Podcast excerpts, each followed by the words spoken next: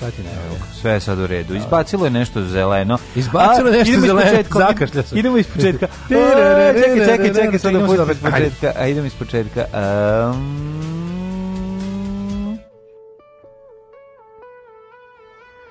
Yeah! Jeste, I sad nas prejačaju sluškama i bit će sve u redu. E, da, ne, nego jedna sluška meni nešto ne radi ili mi je uvo zapušeno, nemam pojma, sve mi malo mila, poremećeno. Kako smo izdrndani sve, ovo stvarno se upucaš. Pa ono, nije sve okej, okay, evo, čekaj. Se uglavić. Da slušaj, jel ti sad bolje, ajde priči sad. Pa malo jel sad, bolje, da. Jači Samo što nešto sve čudno, moram to pogledati posle da, da im šta se smanjilo. Nisam ništa dirao, ja moraš to da znaš, to je jedna stvar, a druga su mladi za vikend je. Mladi, jesu bili? Pa bili su. Pa izdrndali nam sve ovo, pa, znači, da. znaš šta, ja ću ovde staviti malo kukuruza, sa strane i bacio, bacio ljuski od oraha. I onda kad vidim da mi naprave ako neko sranje... Znači sam nervozan čovječ, znači tako bi najradio ću kući lego spavam, znači se znači, svađam ceo dan sa svima, koji što to, ko što je radim zadnja dva dana. A da. zato to ljudi i ovi, ovaj, Ja sam pošalji crnogorac na svetu. pa nisi, ja sam, ja sam, la, la, ja sam, ja sam lažni car Šćepan s malim. E, ja sam lažni car Šćepan s malim, ostao sam, ovo je stvarno ono, sve mi držiš, sa svima, posveđao sam se sa svima. Ono. Zašto je ovako čudno, gde mi je jedna, jedna slušalica mi ne radi? Nemam pojena, pogledaj, pročačkat ćemo posle posle, ne, pustimo jednu stvar, izdrži sada. Izdrži da. sada opet. Biću profesionalac, pravit se da sve u redu. Ove, nego nekako, kao, bukvalno ova naša jutarnja situacija odslikava političku situaciju u, u, u, u Srbiji ovaj i brat koji nam Crnogori koji izgleda polako po operacijom operacijom ulazi pola u jednu glavu. operacija vratite oko u glavu. operacija nobody glavu. operacija nobody gets out of here alive. Da, da, da, da, da. Ovo je sad Ma, stvarno. To zeleno je za vas mači i kašalj. Mm, da. Um, Nije za nas mači i kašalj, nego stišao sam ovaj da se re, da mi snima ovaj međutim izlašlo mi nešto kao nešto zeleno. Da rekao da probam to za svaki slučaj. Tako da će danas podcast imati be, bez bez špid ptice, odmah će i ti, jej, i tako šta, dalje, i tako nije, dalje. Nije snimao od početka? Ne, da, neki čudan zvu, neki, ne, ne, nešto znači- čudno je pokazivao, ne znam šta mu se desilo. U svakom znači- slučaju, slušali smo Mamu Rock i skloni se smo kreveta, jedan da. od najvećih hitova ikada koji nas je pogodio. Zolije, kad sam, kad sam ušao u studiju, Zolije sedeo na mikseti, moram da imamo šta se mm, dešava. Da povraćao žbađ po mikseti. Na, kaže, znaš šta se desilo? Previše si smanjio play dugme na Android aplikaciji.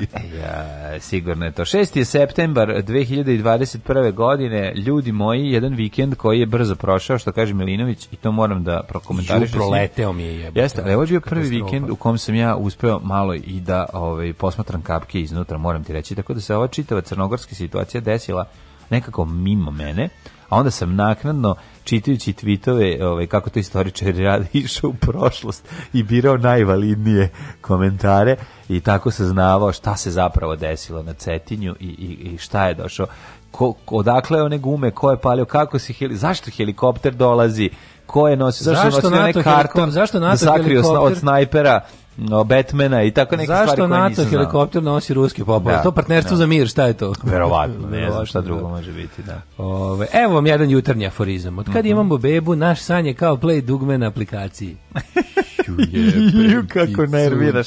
Svaka čas. Svaki čas. Au, kako je ovo nerviralo. Bravo, bravo, bravo. Čovječe, mi radimo, mi smo radili cele dve nedelje, ja sam u fazonu kao ne mogu otići u ludnicu. Ne? A nije, zato što si imao crazy weekend. Pa Pored toga što te nerviralo, jesi išao, pio pa si viski. Pazi, ne bi mi ništa Pa se lizao viski, pa se, liza. Pa, sam ja 20 evra, nije problem. Pa 20 ali da se ližemo. I lizanje viski i to sve, znači nemoj zaista. Ne, bilo mi je lepo to kao subotu, subotu uveče mi je pa prijela. Pa zato ti je kraće bilo on mor, to, to ti kažem, to je kad imaš posla vikendom, kakav god to bio, makar i najviše ga volao, ipak je posao.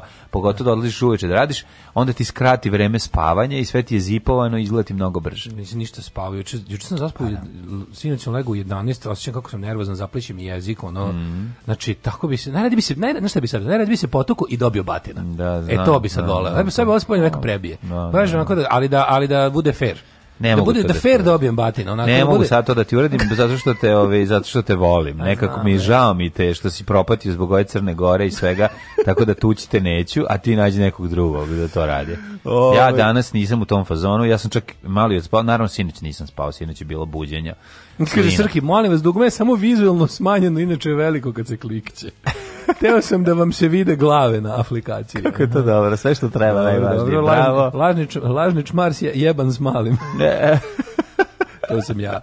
Ove, ovaj, e, dobro jutro, kurati drugare. Nisam mogao da odem na Daškov DJ nastup u subotu jer sam imao posla. Ja nisam mogao, zašto ga e, vidim svaki dan? Bio sam mužu po nićima koji odlazi na posao. A, bravo, bravo. Dobar, Ove, ovaj, dobar posao. E, ja bih volao, recimo, ispratiti... E, ispratiti film, ali iz, mm, iz, iz, iz iz pozicije muža koji odlazi na posao. Znači kako izgleda njegov dan? Svata što bi pre bilo da. to bilo da reverse angle. Počinje po da, počinje Pornić, a onda samo povremeno prat... prikažu, po, samo povremeno prikažu kao meanwhile kod kuće, ono znači. Da, da, da. Sa tri neka garija riba. A ne prelazi a, u tasla, pre, ali nema, nema prelazi u taslaču. Ne, ne. Sad pauze, da pauze da bude, u taslaču. Bude point of nema, view. Pa da bi mo, bude point of view kao Pornić. Kao drama je, svataš, nema, ne vidi se. Vidi se da se nešto dešava. Pa da, Sad su prekinuli ovu pozu, prelaze na drugu. Ali muže, bude muže da. point point of view, kao u da, da, pornjeva da. kad imaš one pornjeve iz, iz oka jebača. E, sad, e, to, ovaj, to. tako iz, iz oka, ne, iz oka muža koji odlazi... jebač.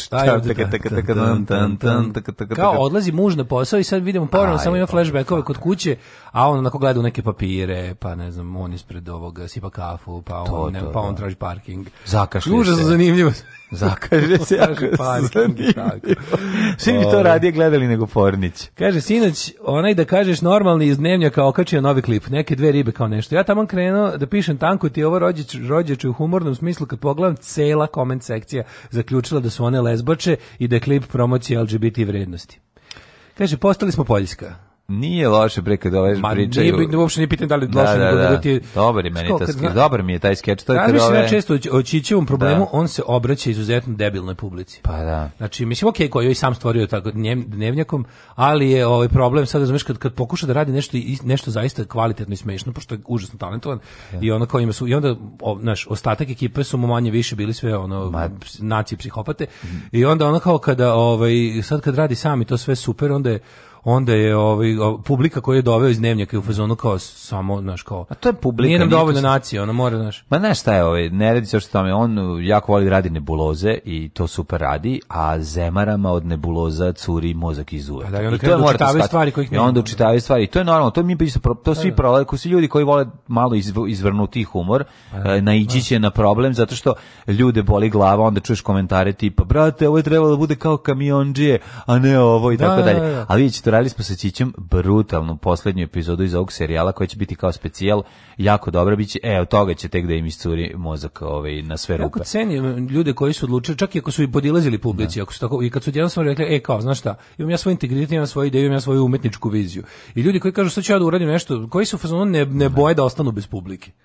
I ono kao, treba uvek ulaziti u konflikt s publikom. Publika da. nikad nije u pravu. Na Miloš je mega talentovan. Mislim, vidjet ćete, ovaj, on Matori, ima spot, sjajne ideje i to, to, to će zajebo. biti jako ona, ona je kratka, ona, ona, sam te nekad zajebo. Meni je to nešto najsmešnije što sam vidio na, na srpskom internetu u zadnjih godinu dana. E, ali ove ribe su super, sa što, mislim, super no, pogledat ću, priču. Pogledam, pogledam ja sve manje više, pošto mi stalno ga izbacujem i ga algoritam. A kao ovaj, ne znam, ide kao da ugrađuje ove, usta, ovaj na kraju preterivanja, idem da, da, idem da, da mi izvadi oči.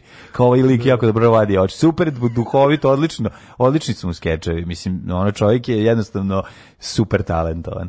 Tako da, ovaj, gledat ćemo od njega još dobrih stvari. Vreme vam je kao Vesna Banja. Vesna Banja se Instagram, ja se nje bojim. Ko je to? To je neka riba što mi stalno iskače, sponzoriše, ona neka, neka onako jeziva izlog, neka voštana žena s velikom glavom i... i... Katarina Bajec? Ne, ne, ne, Katarina Bajec je prelepa, je, šta pričaš. Ovo, ovaj, kako se zove... Nisi dogovorio ranije. Vesna Bajec, Katarina Bajec, Dr. Katarina. Pa Dr. Da, Katarina nije. Ja nisam rekao da ona pa prelepa. Pa nije prelepa, prelepa lepa, žena. žena. Ona je našminkana žena, prosječnog izgleda, ok, lepa je. Prelepa nije. žena. A ova Vesna da. Banjanić... Ju, sad ću naći emisiju koju nisi to rekao, ali dobro. Za Dr Katarinu. Za Dr Katarinu si rekao da je sastavljeno od dve žene različite veličine, pa da onda tako izgleda. Vrko si nekim drugim, mislim to rekao. Pa dobro, Katarina se loženje od početka čoveče, kako to? Ovo ovaj, Vesna Banjanić, vidiš, tako izgleda neka, neka zvončica sa, sa, sa, sa, sa, sa plastic repom na fatu. Aha, aha, nekako, ne znam. Izgleda kao da ne može da pomiri ni jedan mišić na licu. Ima neka mi riba koja meni stala iskače, koja ima neki spot, nisam nikad teo da kliknem na to. No, Ko je ta žena? Ne. Mi ima ovako, da. ona nešto radi kao, kao u šumi je nešto igra. I to isto non stop iskače. Joj, Uglavnom ajde, iskače... čujemo jednu stvar, da ima šta, šta, šta da, pa šta, ne znači, jednu stvar, nego slušamo novu stvar od Stranglersa. Ej, nova stvar od Stranglersa, ljudi, znači sve sam očekivao da 2021. ovaj, izađe dobra stvar od Stranglersa, nisam očekivao. odlično spot, pojavlja se Stuart Pierce, fudbaler Nottingham Foresta, mm -hmm. legendarni, verovatno najpoznatiji svih vremena. Ovaj, stvari odlično odlična, zvuči kao Stranglers iz, ne znam, iz najboljih dana. Ovaj. Hajde da poslušamo. A, a opet jako moderno. Ne, zanimljivo je da ovde Stranglers izvuče potpuno kao Stranglersi. Pa dugo nisu. to je problem.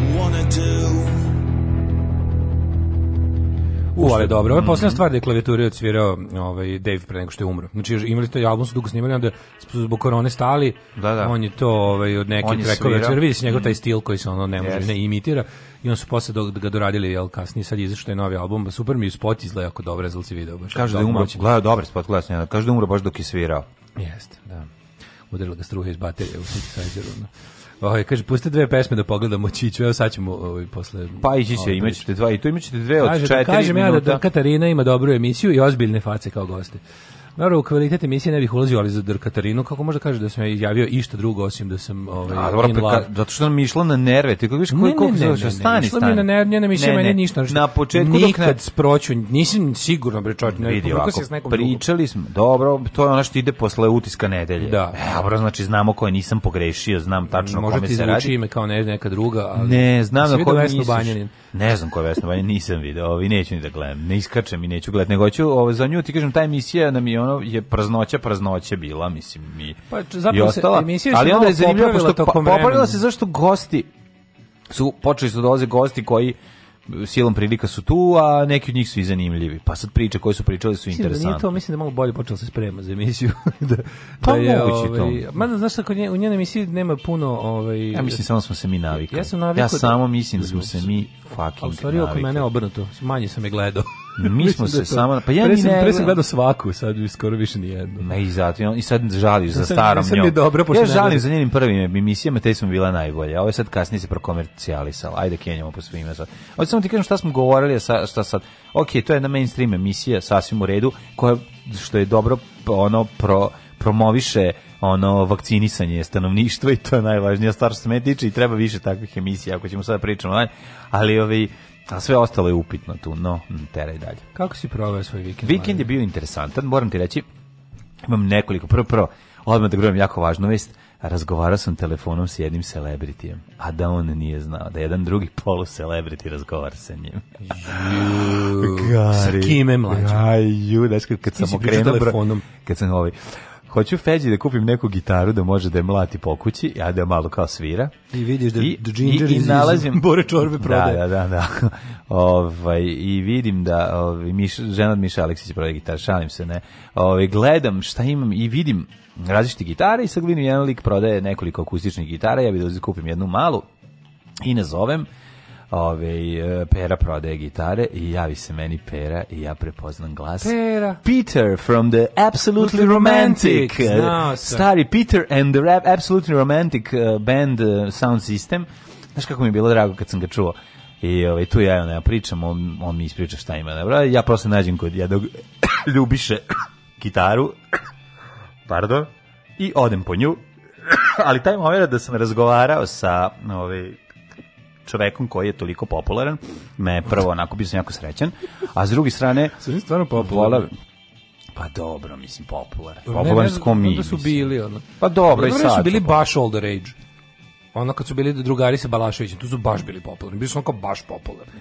Pa dobro, i sad oni ako bi trebali negdje da sviraju koji im je sad status, pošto ne pratim scenu. A, sad im je status quo drugi album. Nemam pojma, ne znam, ne znam šta radi on je Kina, ali znam da jednog da ovog često viđem po nelonu, on tamo hara, kupi gitare, Spikne, sređuje, ovaj, picne i onda uvaljuje, ali sam ja našao svog novog dilera ovaj, muzičkih instrumenta, znaš kako je dobar lik, svašta, sve, na, sve mu stiže iz Beča, Ove, ovaj, i on iz belo kombija kupuje, mislim zvuči kao da kupuje belo roblje. Razum skloni ove belo roblje iz ne, gitare. Ne, belo roblje, samo dobre gitare i tako sve. Čovjek koji stavi belo roblje preko gitara da ga ne zaustave na granici. Tako da sam uzeo Tako da sam uzeo, ove, ovaj, uzeo sam jednu melodiju Mengiš iz 81. godine sa ovaj koje u super stanju očuvane imaju svoj onaj kurton kako su mi to zvali kao djeca jel da. mislili smo opasni kao e, je li ja, kurton za, za gitaru kao, da. a, a, kao misliš da si opasan a volim imaš za hard case ali nemaš para je da, no, no, pa, onda kao bendovi da. koje gledaš na, na fotkama to, pa, imaju tvrde kutije to je najtužnija stvar na koje nas preju šablonom ime benda razumiješ najtužnija stvar kad si mali hoćeš da imaš hard case onda kako si stari otpade ti leđa od hard case i pa ruke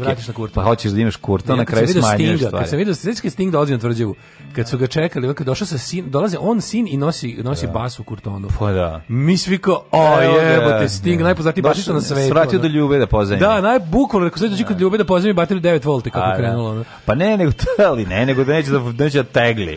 Kao dolazi Stavi, po njega, nosi ga sa sobom, stavio ga je u kabinu, mm, da ne mm, mora... Nije ovaj- lagič pa platio. Pa nema ide da čeka, da, dobro, da, da, to sve da, traje. Da, da, čeka da, da, da prođe. Da ovaj. Da što pre prođe. Da, da, da, izlazi, nosi tor, neku, kao došao, onako sećam se toga, snimali su da, ga na... U papučama je bio, bre. On, sin, tako izlaze je. ovde, on sam dalava je bio. On sin i sveti duh. On sin i sveti duh i fura nosi, nosi basu kortonu i mi kao da, da. jebote. E. Znaš, ja sam mislio da Sting kad god izađe iz kuće iza njega ide kombi sa opremom. E, a ja sam našao kod mog dobavljača, kod mog dilera instrumenta. Znaš ti šta sve ima i ne možeš da veriš. Ima, mislim, stvarno ima, ne možeš da- ne možeš Znači, uspio sam da kod njega uzmem i još jednu malu gitaru za Antona, ovoliku iz zapadne Nemačke. Mađa pokazuje veličinu mog penisa. Made in West Germany i uh mhm. -huh. ovaj kako se zove i, i, i, kupio sam jako malu harmoniku ono za kajonsku. Ja kažu no. Da. Bio, bio, festival, to je kad ste bio na subotu? Ma sinoć bio kod njega. A sinoć bio kod njega. Aha. Pa da, i uzeo. Što mene poslao si me u petak na mislim posla, rekao pa, sam da, da. bože. Jesi našao nešto? Apsolutno ništa. Znači to je da, neverovatno. Kasno si ja tišao. Nisu kasno bilo prepuno svega je bilo. Sam shvatio meni tamo ništa ne treba. Znači ono kao idem i tako mislim se kao no, pa neko kupuje da se kupim zato što nešto. treba nego zato što ima pa da da da to to ja ne ja to nemam i onda mi najlon nije užitak razumeš pa dobro i onda kao gledam tamo košta kao da, da uzmem nešto ono jeste. Prvo ti se nešto onda, svidelo, pa majko. Pa ne, da mi se nešto svidelo uzeo bi, znači pa, kao. Okay. Bio sam na ivici jedino da uzmem, jedino da sam umalo uzeo, pošto mi treba za gore, za hopo mi treba Ivica novi, se novi. Ivica prodavac, onaj najšto ima najveće polje da. na samom ulazu. Najveći, ako smije na ivici na tom. Field of Death. Ako misliš na to. Ne, kod njega je onaj onaj induktorski rešo, znaš, onaj nacrtani renglova. Puta puta 2, dupli, znaš. I sad da, kao sad taj tražim da kupim 5000 tražio. I ja ovaj kako Trebaju ti gvozdene posude onda tako?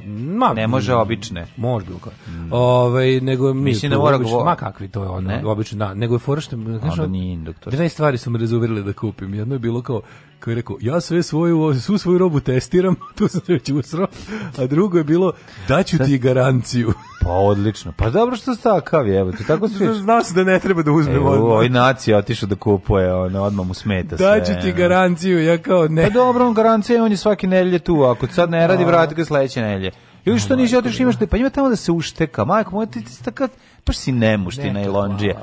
Pa imaš steker tamo, daš 20 dinara, ukuciš, probaš sve da li radi. Ima, imaš za probanje? Pa za probanje, pa, pa naravno. Ima probđenica na Pa kako nema probđenica, pa nego šta? Pa genijalno. Ostaviš mu, uzmeš ga, ostaviš mu 200 dinara i odeš i ovaj kako se I, i, i vratiš. Da sam kupio to za 200 dinara. A dobro, onda mu ostaje i pet, je možda na poverenje. Pa ostaviš mu, da. daš mu sve pare i odneseš ga, probaš Odeš ako da ne probaš vratiš. električni uređaj, znači to može. Pa svaki električni uređaj pro, prođeš. A on pa majkom, pa nego šta. A, da. je, kako Dođe Kina s vremena na vreme da mu napravimo naočale. Doneo da svoj CD prošli put, dobar čovjek zaista. Kad Jest. smo kod čovjeka koji pravi način, Ljudi, meni je Kina, a ne znam, nikad u životu nije video poklonio pedalboard od Bossov originalni. Znači, vi nešto da verujete. Čovjek rekao, evo ja imam dva... On širi gitaristiku jednostavno. Pa, nego jednostavno su, to su divni on, ljudi. On, on je apostol gitaristike, evanđelje, pa da. širi evanđelje gitare. Pa, I to je super. A jede gitaru, on je naš... A posle sam ga ja poklonio dalje, zato što ga nisam koristio drugom detetu. E, to i, to, I to je jednostavno divno kruženje pedalboard karme u prirodi. Ovaj, u prirodi. To je predivna stvar. Da, da, da. da. da. Ove, ovaj, e, kaže, e da, kad smo kod čoveka koji zna da napravi naučari, on visoko bokidin čovjek, moj je uspelo da pregazi vozi sopstvene naučare kolima. Ovo je I onda je, da, ispale su je dok se nešto majala skerovi i onda je... Ovaj, zgazila. Zgazila naučare, onda je e, Boki Ćola car, znači, uspeo da, da, da spase stvar. Jer ih namestio? Pa da, čovječ, izvratio ih ne iz mrtvih, nego iz zaklanika. Kako ja volim to kad vade, da. kad, kad prave naočare, kad ih nameste, nađe, e, ili ima možda ono, ono za grejanje na čemu ih namešta, ili kako radi? E, Ranije to bilo, imali su neku širitusnu lampu. Pa su na on zgrenio, sad, ima, im, sad, sad, to njim, sad taj, taj alat se nije koristio. Ali lepo, ona, ona lepa ona strugalica optičarska, znaš kako je fina. Što, mm. što, što brusi staklo, što brusi bilo šta, onako, ne lep grinding stone, onaj, onako, super Odlično. O, to, to je jako veliko. Uh, mogu ti reći da Boki Djančovala polako dostiže, uh, bar za u mojim očima, mm. uh, nivo mira sa Sajđijensku i smirimo. To je, do, do, da. Da. Pa da, pa prevenđuje se, zar nisi prometio na njegovim listama da ima to sajđisku smirenost i na tome? Ne treba mi sajđiska smirenost na listama, pa, treba, mi, u, treba mi u radnjama. Ne, Ali ne, ne, je, ovaj, stvarno, stvarno sam skontao sam da, da, da Miro, širi, neki, širi neki mir, a ne mislim za, na da mir izmoštio. To je mir, mir optičarske radnje je nešto što može samo ugroziti. Taj jedin jači mir je mir ovaj, kod sajđe. Znaš li da sajđe optičari tuku koji je mirniji? Pa večiti fight kao bio se ko je veći, ko je dostigao veći da, da, zen. Fight mrštenjem. Da, znaš dostižu, kako se mršte. Ona. Dostižu da gledaju ko je dostižu veći zen. Mir optičara, da, da. Jedino, mm. znaš ko je još isto, znaš ko ima još zen, z, z, zlatari. To je isto. Tamo se, kod Zlatara sam ušao jednom u životu. Pa dobro. Stvarno, šta, šta tražim kod Zlatara? Ne, ne, ne, ne, ne, ne, ne, ne, ne, ako bi ušao kod zlatara, ušao bi sam s pištoljem. Mislim, nemam, nemam zlato, nema zlatova. A šta nemam ništa. Ko, dobro, ali šta ako hoćeš da prodaš, ono, nemam pojma. Sad ti više ne treba zlatan zub, hoćeš da ga se ratosiljaš, a da za te pare, recimo, uplatiš na lacija. Ne što je inače što je jako dobra investicija. Što je dobro na ono kad šetaš, ono što ja kapiram što ja razumem ja, pošto sam video da tamo ljudi izlaze sve, ono video sam 50 ljudi koje pozdravljaju na Nelonu i pa i, i znam da su oni promenada za siromašne. Svi su bili u fazonu kao opa, otkud ti, a ne mlađa. I on se tako mhm. svima objašnjavao otkud ja ne da. mlađe. Ja sam rekao posla nije mogao da doći. Ja sam mlađi, ali vi ste sve ne, ne pogrešili. Ne, nego posla mene tako da mu čisto da ba, da. najlon ne ostane pa, neovereno. Da, da, tako. A ja otišao kao poslušaj tebe, otišao na bankoma kao podigo keš, idem ja sad nešto da kupim. Ono, i tako pa vidim. A nisi imao 200 po 200 dinara. A pa imao sam svebrom, nije e, problem. Okay. Moraš imati 150. Idem i Idem da nađem lika koji prodaje naravno na najgore tezgi i prodaje neke ploče preko kojih je prešao gradski saobraćaj. Da, da, da. Koliko 2000 dinara. Da, da, preterivanje. Da, dobro da lupetaju cene. Ali to je stvarno, znaš, kao tipa prodaje ono treći album album, e, treći album Šekija Turkovića za diskos. Ono što ono baš ja teško smeće. Razgovarajući se Ljubišom, razgovarajući sinoć sa Ljubišom, mojim dilerom muzičkih instrumenta od juče, shvatio sam jednu stvar. A to je? Najlon se proda, do, najbolji najlon se proda pre, pre samog dolaska na najlon. Razumeš? Na On the Face of the Place dolaze ekipa kad stižu ovi iz kombija i kupe kajmak. To su oni sa, man, sa lampama što dolaze noću. Tako je, s lampama što dolaze noću. To su ti, ti ljudi pokupe najbolje stvari sa najlona. A onda svaka sledeća ruka pokopi nešto drugo i na kraju ti si došao u 10, pola 11. Ako si još posle emisije išao i na bankomat, ti pre 11 nisi bio na nailonu što je za najlonsko vreme zapravo prekasno. Eto, to da. sam te da ti kažem. Mlađe redom ide kod zlatara, prodaje nakit i kupuje kriptovalute. ne kod zlatara, već kod filigrana, to je zanat. E, filigran, to sam da Filigranski da rad. Smirenost jednog filigranđija. Tako sam kupio indukcijni rešo za moje aluminijumsko posuđe, onda sam shvatio da sa pobega s časa fizike kad se učio pa magnetizam. To sam sad ovom čoveku. A ima aluminijumsko? Pa Nisi znao da postoji ima aluminijumsko posuđe, ja sam mislio. Mora gvozdeno da pa bi. Pa to imam, jebi. pa nemaš. Dobro, može teflonski ove kako se zove. Ne, može teflonski, mora gvožđe da bi radila. Za induktorski rešo? Ja mislim, ali nisam siguran, pošto ga nemam. Koliko sam, a čuo sam priču pre par godina. Pa čekaj, bre, to, to je industrijski standard, nemoguće da novi tiganji ne mogu na induktorski rešo. Pa mora da imati metal ovaj, u sebi. Ako pa je, ima, naravno. Pa ako nije metal dole, onda neće provoditi. O da. tome se radi. Pa ima, znaš da imaš tiganji imaju uvek onaj, onaj, kako se zove. Pa nemaju svi. Mislim, aj. Pa imaju svi pod napravljeni posljednjih 50 godina, ono, mislim, ko gde ti kupiš tiganj? Pa ne znam kojim štučan je, on neće I, raditi. Imam samo tu, ja samo tučanu. Pa dobro, kakvo imaš? Ako nemam pa? zemljani sud, onda tučani, ono. pa zemljani da. se neće na, na, na toj ploči Pa raditi. naravno da neće. A pa zato Zem, ti zemljani ide u rernu majku. Pa da, pa Ove, da. Ovaj, e, šta sam teo, kaže, kaže, debeli ne priznaje ništa, ni za drkatarinu, ni za trotinet, ni za vukove sa golije, ni za puževe u Njurku, ništa ne priznaje. Ove, ovaj, um, Kaže, gde si pustio njega tamo, on se smeje ljudima koji tamo kupuju. Pa smeje, to. Ja smeje ljudima koji tamo prodaju. Šalim se. Ma šta vam je ljudi, pa moramo malo pustiti ovaj nacistu, šefa logora da se prošeta malo Kaže, po logoru. Kaže, kad kupuješ šerpe, ponesi magnet da ih testiraš. Pa da. To je vrlo jednostavno. Da. Ako, ma, ako magnet se lepi, znači možeš da, da. da ga turiš. Ako ne, a ti se sviđa to? Zašto ti se sviđa taj Šta? induktorski? Ne, zašto jako, jako, jako je dobar. Imam gore, imam neki ovaj, koji je užasno sporan i onda mi treba milion godina. Ovi induktorski su brži za, za recimo proveriti vode za testo. onda kao kuvaš neko testo. Imaš planinsku vodu tamo, ne? Imam, imam. Što na da plin ne, ne pičiš? Pa imam jedno i drugo, ali ovo mi nekako ne, dan plin, mi. Plin, ne, plin je brži 50 puta. A plin, plin mi je imam napolju, ono kao, kad sam unutra u ovaj, onda mi je nekako bolje da... da ovaj. Pa znam, nekako, ovaj, kad si unutra, budi idi napolje pa ugrej, mislim, pa kuvaj. A da, tamo sam nikad nije lepo vrijeme. Mm. Ove, ovaj, kad kupiš... Aha, ti imaš plin ružu, pa tako kuvaš. Nisam to, da to ta, mislim. Tamburim, pa da. ne, mislio sam da imaš u ovoj... A, gre, rešao na plin, onda da, ona dva da, da, da, da, da, da, da, da, najbrže provri voda kada, kada je direkt vatra. Pa jeste, jeste, apsolutno, da, bravo si. Mislim, ako nemaš novi šporet neki, pa onda on, on stvarno... Ti novi šporet, ne, ne, meni najbolja, šporet najbolja kombinacija kad imaš gore onu ploču, šta bi ja kad bi mogo bilo šta. Da. Dve nacrte, ringle, dve plinske to je super. Da. Znaš tako, da, da, tu da, kombinaciju. Da, tu kombinaciju. Dve plinske, dve nacrtan, tu, tu si pokriven skrozom. Um. kruzom. Yes. Ovo su bili savjeti za bolje domaćinstvo, ali Bilo super, kažem ti, ovaj dan je počeo tako što sam... Mhm. Ovaj, ispriča, ispriča nešto. Tako što sam ovaj, išao to kod Bokir do Ćole, pa onda mm -hmm. posle uveče... E, bilo super u Peru, baš je bilo fino. Baš je bilo na kole, poslušali smo muzike, pa smo se nalokali i tako. Jeste pili. Majko Mila, pa je bilo onako baš, baš do samog Fajronta je bilo. Odlično. Ove, ovaj- znači, ostali ljudi bili, njim da, dosta lepo, tebe. Lepo smo se šalili, bacili zezali, fazone. bacali fazone juče, ovi šta Kenjali u True Fate. Juče bilo, e nisam pustio True Fate ljudima zašto bi bilo gužva u WC. Ljudi imaju da. Pavlovljev refleks, znaš. Izbegavao sam, ima jedan WC na toliko ljudi. Govnovljev refleks. Pa da, jedan WC na toliko ljudi sam pustio, bilo bi samo navalo, jednom ljudi bi prekidali razgovore i kretali u WC, ono krenulo bi. Ja pa tako da ih sam ih toga poštedeo. Sve juče bilo interesantno, juče sam razgovarao s nekim ovaj ujutru dan mi je počeo, znači, lego sam u 3 u subotu noć, a probudio sam se ono pre 8 znači, katastrofa. Otkinuti jedan dan od vikenda za rano pa ustajanje. Pa to je pa To je najgore na svetu. Pa zato ti se, Znaš koliko se mrzim sada, ono, što se nisam naspavao preko vikenda. to, je strašno. Ali što sam da širim istinu srpskom narodu. Neko mora i to. Šta je bilo? Stranim novinarima neko je mora reći istinu srpskom narodu. Jesi rekao. To jest o evropskoj predstavnici kulture. Kako te nisu čovječe ono kidnapovali posle nekog debelog pa, koji isto izgleda kao ti znači, da priče, da priče o evropskoj predstavnici kulture. Kako, kad na njemačkom radiju izađe šta sam ja rekao, neko će me ubiti. No. Nadajmo se da će bar izaći, da nisam, da neću za džabe dati svoj mladi život.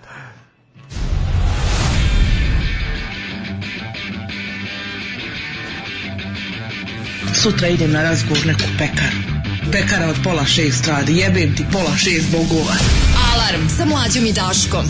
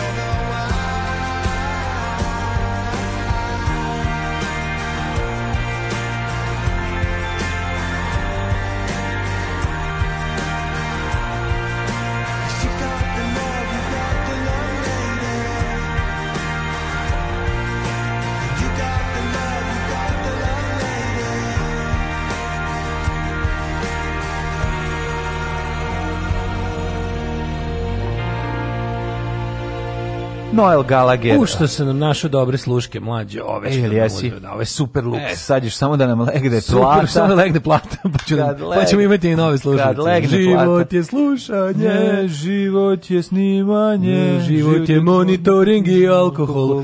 Ove, kaže, danas možda nije rođen mom preko okeanskom drugu. Želim da ga pozdravi Miloš iz Čikaga, pozdrav od tvog druga, ženje iz Pazove. E, pozdrav Miloš iz Čikaga, na, tvoji znaš ti dobro koji, bravo. Nije sve ravno crno s nacrtanim krugovima induktorski reš. E, u si da, ovo zapravo nije induktorski reš, kad malo bolje radim, to što je prodavao. Nego to su, ja, ja, ja to zovem nacrtane ringle uvijek. A to tebi skupo pa, pa kao? Pa ne, nije, da, to meni, to, kad sam ja bio ma, kad sam ja da. bio ne baš jako mali, mm. to se pojavilo negde tamo u našim životima krajem 90-ih kod jako bogatih ljudi.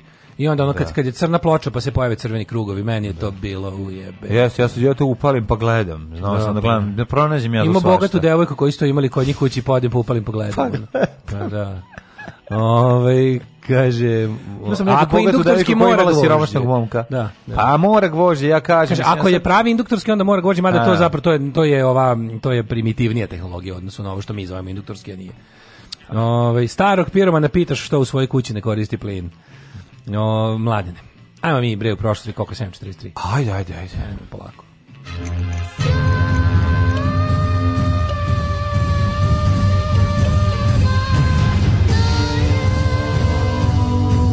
Dogodilo se na današnji dan. 6. septembar, 249. dan godine, do kraja godine imamo još 116 dana, nešto. Oh yeah! Hvala da, pamet da vas pitam. Oh yeah! Kolega moj od preko puta. Kažite slobodno, nemojte se stiti. Uh, vidi baku gore što se sunča ovako rano ujutro. Ja, da, da li da se okrećem? Pa ne, u crno obučene. Sad je ušla unutra, je zatvorila Aha, vrata, da, da nisi da, vidio. I navukla zavese iza sebe. Pa nije navukla zavese, evo vraća se nazad, otišla je po nešto. Evo, evo gled, otišla po novine. Evo vidi baku, kreni se, vidi kako je slatka skroz gore na poslednjem spratu. Namešta sebi da sedne. Evo sad se opet vraća unutra. Kakva baka jeste normalna bre žena, ima ono mlađe od nas. A pa zašto je obučena u crno? Pa, I tako se kreće. možda je umro muž. Nije mlađa od nas. Šalim se, ali dobre žena, nije baka uopšte. Ma kako nije Mlađo, baka? Mlađo nije baka, veruj mi. A, It's not baka. Onda je deka. It's A. not baka. A. Ta zgrada nema lift, do da baka ne bi mogla da se popne. pa ne, ne silazi, ona je zarobljena tamo gore, ja i ona izbaci, kiku, e. izbaci kitu. ja se popnem gore. I koja se popnem? I donesem je nešto. Teo sam ovaj da te pitam gde ćeš na najluđu noć. E, za najluđu noć ću da pa ne znam, evo sad možda recimo pazi vidi što ne bih otišao recimo, evo da kažem možda. Reci svojim rečima. Svojim rečima da. recimo ću da obio na Cetinje. Na Cetinje. Slobodarsko Cetinje. Na Slobodarsko Cetinje. Slobodarsko Cetinje, Cetinje nije palo. Ima dobri guma na Cetinju. Ima dobri guma. Nema, nema, nisu šare, od šare dobre duboke, 5 ml. Dragi, Cetinje nije palo, NATO ih izdao. Tako je. NATO ih je izdao. Jedan hel... u toku je, u dugo vremena velika... nije samo jedan de, desant jednim helikopterom načinio Nikad, tako da. nešto. Znači, Helipop, ovo... he, ne, to je helikopter helikopter da. to je popovi unutra. helikopter to je, helikopter sa popovima. A baš pričati prič, malo toku... više o tome. Mene zanima što, što je ne karton što su nosili. Je to, karton, to, je, to se zove pancir, to je, to je Kevlar blanket. A to je Kevlar. Da, to je čebe od pancira. Kao. Ne, to sam te da pitam. Da. Pretpostavio sam da je tako nešto. Da, da, da. da. da. Da, da, ispeci mi majku ćebe od pancira. Ćebe mi ispeci majku od pancira. tako da, istorija... U toku je velika globalna uh, ispala saveznika od strane Sjedinjenih američkih država i Crna Gora je najnovije u nizu jo, da. američkih saveznika koji su ispaljeni. Majko moje. Šta se eh. dešava na aerodromu u Titogradu? Da, da, da, da. da, da haos. Da, da, da, da. Beže si, ali beže si u Beogradu nekršteni, svoje stane. Nekršteni, beže, svoje stane. Beže nekršteni. beže nekršteni, a nadare ekipa i viče krstiće se i ko neće. da. 394. godina. U, ovaj. sviđa mi se bitka za Frigidu. Mm -hmm. Znaš bitku za Frigidu? A Frigida, pa da. Frigida neka mačkica koju niko ne mogao zadovoljiti. Pa kakvi, ne. I znači. zamisli bitku za Frigidu. Bitka za Frigidu dobro ime za Pornjevo. Da, da, da, da. da zamisli Pornjevo. I onda na kraju dođe jedan i on je napali. To je jako, najmanji. Mora biti neki vizar. Ja dođe vir, vir, Virko i frigida se napali. A na svi ovi kao mega frajeri dolaze i ništa. Kako se ja dobro zamislio? Ja sam zamislio za bitku za frigidu. Ja sam sve zamislio. Koliko kod tebe ima junaka? pa nema, ima, ima, dolazi stalno kao. kao ona provoci, čeka, kao, kao, kao provoci, oni dolaze, a ona je ono hladna, nijedna ne može da je uzme. Penelop, Penelopa zove? Da. Uh, žena, pa nije ona bila ona, ona po zaku kao prosti su dolazili je ovo je ovaj kao premi, mislim je ovaj e, kao prošlo vreme mis, missing in action missing in action da, je bio, da, da. nego je fora što je ono prošlo dovoljno vremena da se smatra kao da da, da, i onda su nju navaljivali a se žena zove Penelope. a on Penelopa, Penelopa jeste a ona je da. stalno izmišljala neke druge ove fore a sin Zatražen? Menelaj. Menelaj, da. Onda Menelaj je ovi, uspeo da ih zadrži... Rastera do... od matere. Ne, nije raster od matere. Uspeo da ih zadrži, znači kako je sad tu isti materijala za novi X video. Prestani, bole, bolesniče, jedan nisam to te da kažem. Majko, Dok se nije Čale vratio. Ne moraš da ideš kod Čale drugih. se maskirao i došao. Da, Majko, da. nemoj da ideš kod košarac, imaš ti u kući. Znaš šta, šta sam ja u svojoj glavi zamislio Veljka Ražnatovića, pa koji, ono, koji, ovaj, koji pokušava da zadrži prostor svoje majke. To ja ne snimam me ove kako se zdrevo. Moja niša, je, moje niše su ove antički pornići. Tvoje miše su odlični, to Janketići. Da.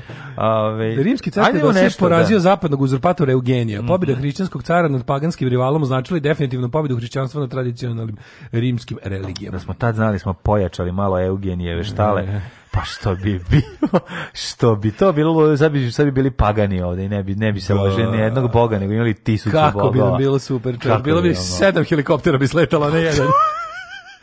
bio bi mitropolit Posejdonski, bio bi mitropolit bio Jupiterski. Bi, da. Pa kude mitropolit, naš, mi Sloveni bi zadržali još nekih svojih bo boleština. Ili što, da, pa kaže, naš, ono, kaže, potukli se pristalice da, Svaroga da, da, protiv pristalice Svarog Peruna. protiv Peruna. Da. 1522. Španski moreplovac Juan Sebastian Elcano mm. završio svoje prve putovanje oko svijeta koje je započeo Mar Ma Ferdin Fernando Mangelan, to znamo, ali ovaj pošto nije preživao jer je ubiven u sukobu sa uređenicima na jednom pacifičkom ostrovu. Stigao nazad ovaj, Samuel Cano koji je preuzeo komandu. Me, ovaj, vratio se sa jednim brodom i 18 mornara, ali tovarom koji je isplatio celokupnu Hvala Bogu. Ovu Donald Jack, Donald Jack Bibera i rekao, ljudi, mm evo, ovo me četiri brodi i 200 ljudi, oni kažu, jesto, i više, još i kuzuro. Sam ti govorio da u srednjem veku, kada ovi, hoće da kažu za nekog da je bogat, oni kažu da je džak bibera, tako se govori. Kažu da, govorio. tež, da ima svoju težinu u biberu. Ti si džače bibera. 1620. iz Plymouta isplavio brod Mayflower. Mayflower je brod koji je organizovano preveo prvi put mhm. eh, grupu evropskih, to jest konkretno ovaj, engleskih iseljenika u novi svet da tamo trajno ostanu da pokušaju da, da tako da je, žive. Tako je. Znači e, i uglavnom ti prvi koji su stigli svi su poumirali, nisu preživjeli prvu zimu ili tako da, nešto. Da, ali fore što taj e, ovaj Plimut, mesto na koje on tamo pristao u Americi se dan nazove Stena Plimut. Da, da, da, da. To je mesto da je kao brod mm. pristao. 1680. Mayflower je, je ime broda. Mayflower broda, mm -hmm. a Plymouth je luka. Mm -hmm. e, 1688. E, austrijska vojska pod mhm. komandom bavarskog kneza Maksimilijana Emanuela uz pomoć da. srpskih dobrovoljaca savladala od Porturaka je ušla u Beograd. Turci su ga ponovo zauzeli 1690. Jeste, ali eto zanimljivo je da je, je tu Beograd dve godine bio pod ove, ovaj, komandom austrijske vojske Uh, imali smo i onaj period od Požarevačkog mira pa do kada... Pa kasnije, to je 18, to je kraj 18. veka, ali tako? Mm, ne, to je 1718. 1700, Aha, onda početak 18. veka. Početak 18. veka kada je isto nešto 20 godina bio... Pa bio je, ovaj, bila je Austrougarska do, do pola Srbije otprilike. Da, da, da, da, da. Tad kada stižu prve vesti o vampirima, zapravo u tom periodu je Austro... Austrija držala ove delove Srbije. 1885. istočna Rumelija proglasila ujedinjenje s Bugarskom. Mm -hmm. 1898. holandska krajska Wilhelmina stupila na prijesto. Mm, Wilhelm nagazna mina. E, 1901. u Buffalo anarhista Leon Čolgož izvršio atentat na predsjednika SAD Williama McKinleya. McKinley je zadobijenih rana da. umro dana kasnije. Šta je rekao čovjek? Ne, e, nije to to, to je ovo ovaj Garfielda, Garfielda je to. A ovo je, ovo ovaj, je, kako se zove, Eh, ovo, njega posle pre, preuzeo je predsedavanje Theodore Roosevelt, mm. koji je, ja mislim, bio je Theodore Roosevelt bio u vreme ne, nije, kad, kad, u vreme bio velike On je bio do prvog svetskog rata, onda je bio ovaj bože kako se Woodrow Wilson. Wilson, da, da. da. 1914. Da. Francuske trupe uz pomoć britanskog ekspedicionog korpusa krenule u kontrofazivu na frontu širokom 500 km, čime je počela velika, prva velika bitka na reci Marni u Francuskoj i Francuskom ratu u kojoj za četiri dana Nemačka vojska pretrpela težak poraz. Jeste... I nemamo instrumental, daj nam malo ovaj, podine. Za, za, izvini. Pa da, ja fali, ove, vidim da mi fali nešto oprosti, dramatike. Ono. Oprosti. 1914. Jako važno da, ove, mislim, s obzirom da su Nemci zaustavljeni i možete posle toga kako je namešten front, bio front... Mm, Pomerio pa se za, reći, za 7 metara. Pa može se reći da, da je ostao otprilike takav. Da, napredovali su, ovaj, da. kao, bo, sad ćemo prikazati čuveni fazon koji smo zauzeli. Čuveni fazon iz, iz Crne Guje, da, da, kad ne se 1 prema 1 kaže, razmeri. Ovdje, ovdje za pa, teren koji smo svojili, da. kažete da. mi u koji razmeri je ova, kaže, 1 prema 1. Evo vidite, ovdje, ovdje ima i glista. Da, tako da, nešto da, kaže. Da, jako da, realistično, da. evo pogledajte ime glista. glista. I to i ovaj kaže koliko smo da kao samo ne znam tipa samo 1500 vojnika je poginulo za ovo. ne vidim mi Crna Gora kaže. Evo ga proglašavamo kralj kraj velikog rata od 1914 1917. Da, da, to je jako dobra faza. We survived the Great War 1914 e, da. to 1917. 1914 e, na zahtev saveznika da posle pobede na Ceru u Prvom svetskom ratu preduzme ofanzivu preko granice, mm -hmm. srpska vojska počela operacije protiv Austrijanca u Sremu i istočnoj Bosni. E. Poznate kao Sremska operacija bitka na Drini, da. to je trajalo do novembra novembra, onda su ovi malo doveli Nemce. Pa ne, to je McKenzen je došao i onda su se promijenile stvari, ali interesantne su te ovaj, zapravo koliko je srpska vojska, šta je uspela da uradi za to da u tim svojim, to su bile ekspedicije, mislim, pređeš u Srem pa napadaš, ali niti je bila pripremljena, niti imala snage ono, i, ovaj, da da uradi nešto veće, ali nisam u tome našao, nisam, moram malo istraživati više o tome, da im šta se dešavalo. Ipak je to se dešavalo nekoliko meseci, pa dokle su došli, šta su uspeli. Radilo su... se o tome da ta granica tu stoji stajala vekovima, onda kad su oni prešli tu konačnu granicu i jebi ga bilo je malo pa teško. Prešli u Zemun, već su bili pa, kažem, u ono, bili, da, da, da. Su da. prešli da u Sremi i tamo da pokušali nešto, jako slabo to bilo slabo su napredovali jer ovi tamo su imali ono no, imali položaj snage, da, garnizoni da, da. ostalo. Mm -hmm. uh, 1939. tragi komična bitka kod Barking Krika. Šta je to bilo? Pa nemam pojma. I da bi to moglo biti. 1940. Rumunski pa, tragi komič, mislim da je to u, u, u Dalmaciji. Tra, tragi komižna. Mm, komižna, Kod da. Komiži. 40. Rumunski kralj Karol II Hohenzollern je u drugom svetskom ratu pod pritiskom sila svina abdicirao u korist na Mihajla. Ja ne znam, da, mislim da to bilo nešto kad su ovi spalili samo neki jedan top, pa su ovi odmah prži. Jel to bilo nešto? Kako ne si rekao? Pa, Barking viktor... Creek, lajući potok. Uh, uh -huh. e, 48. Mhm. Wilhelmina e, abdicirala u mm -hmm. princeze Julijane. 55. u Neredim orkestrom strane turske vlade pobesna rulja izvršila pogrom nad preostalim grčkim stanovništvom Carigrada. U jezi, u koje godine? To je bilo 55. Mm, daj nemoj za koje, 1955. Uh, e, Daj nemoj ne pokolj, nego pogrom, pretero sam, a ovaj, mm -hmm. kako mhm. se zove, pa da, jesu, stvari oterani su bili, su bile grčke, znaš su oterani, to je slično se desilo i na Kipru. Znam, znam. E, 57. u Londonu bez rezultata završio, u proterali su ih, nisu, ja sam mm -hmm. pokolj, spavam stvari je pogrom, pa koji je bio, mislim, bilo je, ja mislim, tu poginulih, ali je cilj bio mm -hmm. da se mhm. oteraju ti ljudi.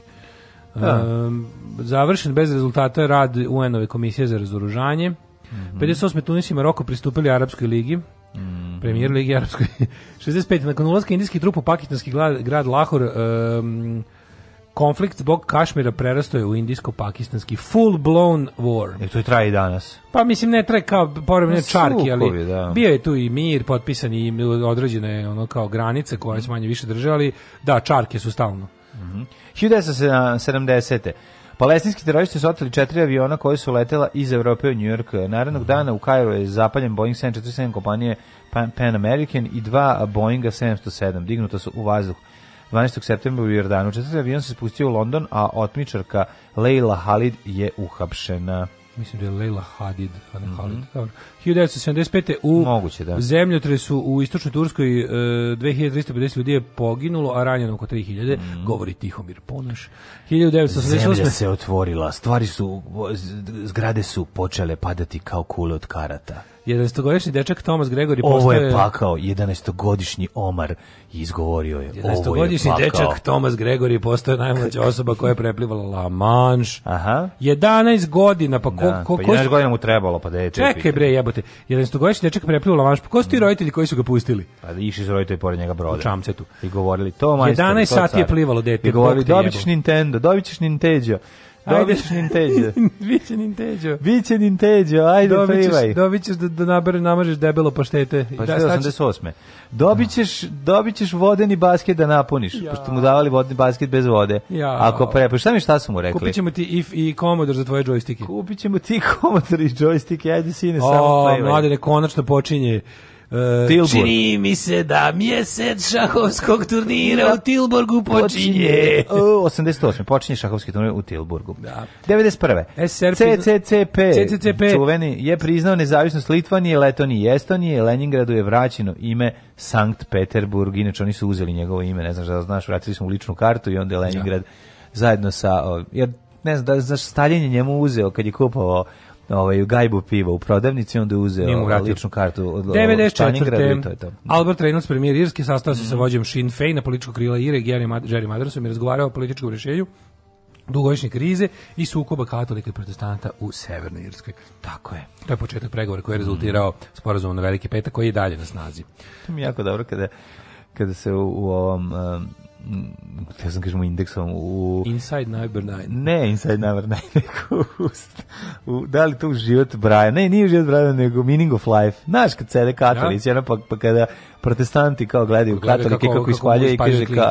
Pa da li onda kaže ono mm. čuvenu kao ovaj vidiš kako oni ovaj moraju, ja, moraju da a mi a oni mi kao mi a ovi uopšte nemaju seks. Pa da, pa da da, da, da, da, pa da, A mi kada bi hteli mi bi mi mogli. hteli, to jako da Mi samo mogli, oni moraju, a oni izbacuju decu. Ovo je samo ispaljuje ni ne znam da izbacuju decu. Whisper me sacred every sperm is saint 1000... Odlična stvar. 1997. britanska mm -hmm. princeza Diana koja je poginula 31. augusta u saobraćaju nesreći sahranjena na porodičnom imanju posle pogrebne ceremonije.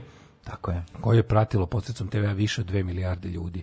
Samo ću ti reći jednu stvar. Znaš ko stoji iza ubistva? Dvor to kako je rekao deda, jedan čovjek, mm. sećam se, sedimo Jokić i ja na klupi, i, a, znaš, one klupe što su okrenute leđa u leđe u centru. najbolje da deda rekao istinu. I onda sede pa kaže, ne, kao čiste, kaže, dvor, dvor, dvor. Dvorvs. 2001. Vrhovni sud Kazahstana osudio bivšeg premijera Akezana Kaze Geldina na 10 godina zatvora zbog korupcije, ilegalnog posjedovanja oružja i zloupotrebu položaja. Najbolje kad se ti neki veliki zlikovci osude za nešto za šta mogu da ih osude. Pa na kraju mm. bude jedino što možemo da dokažemo je da je sazidao podstanicu u dvorištu bez dozvole i da je imao da. pištolj iz piljastu. I 10 godina bio u zatvoru koji sam sazidao, zavisi još i njegova kuća.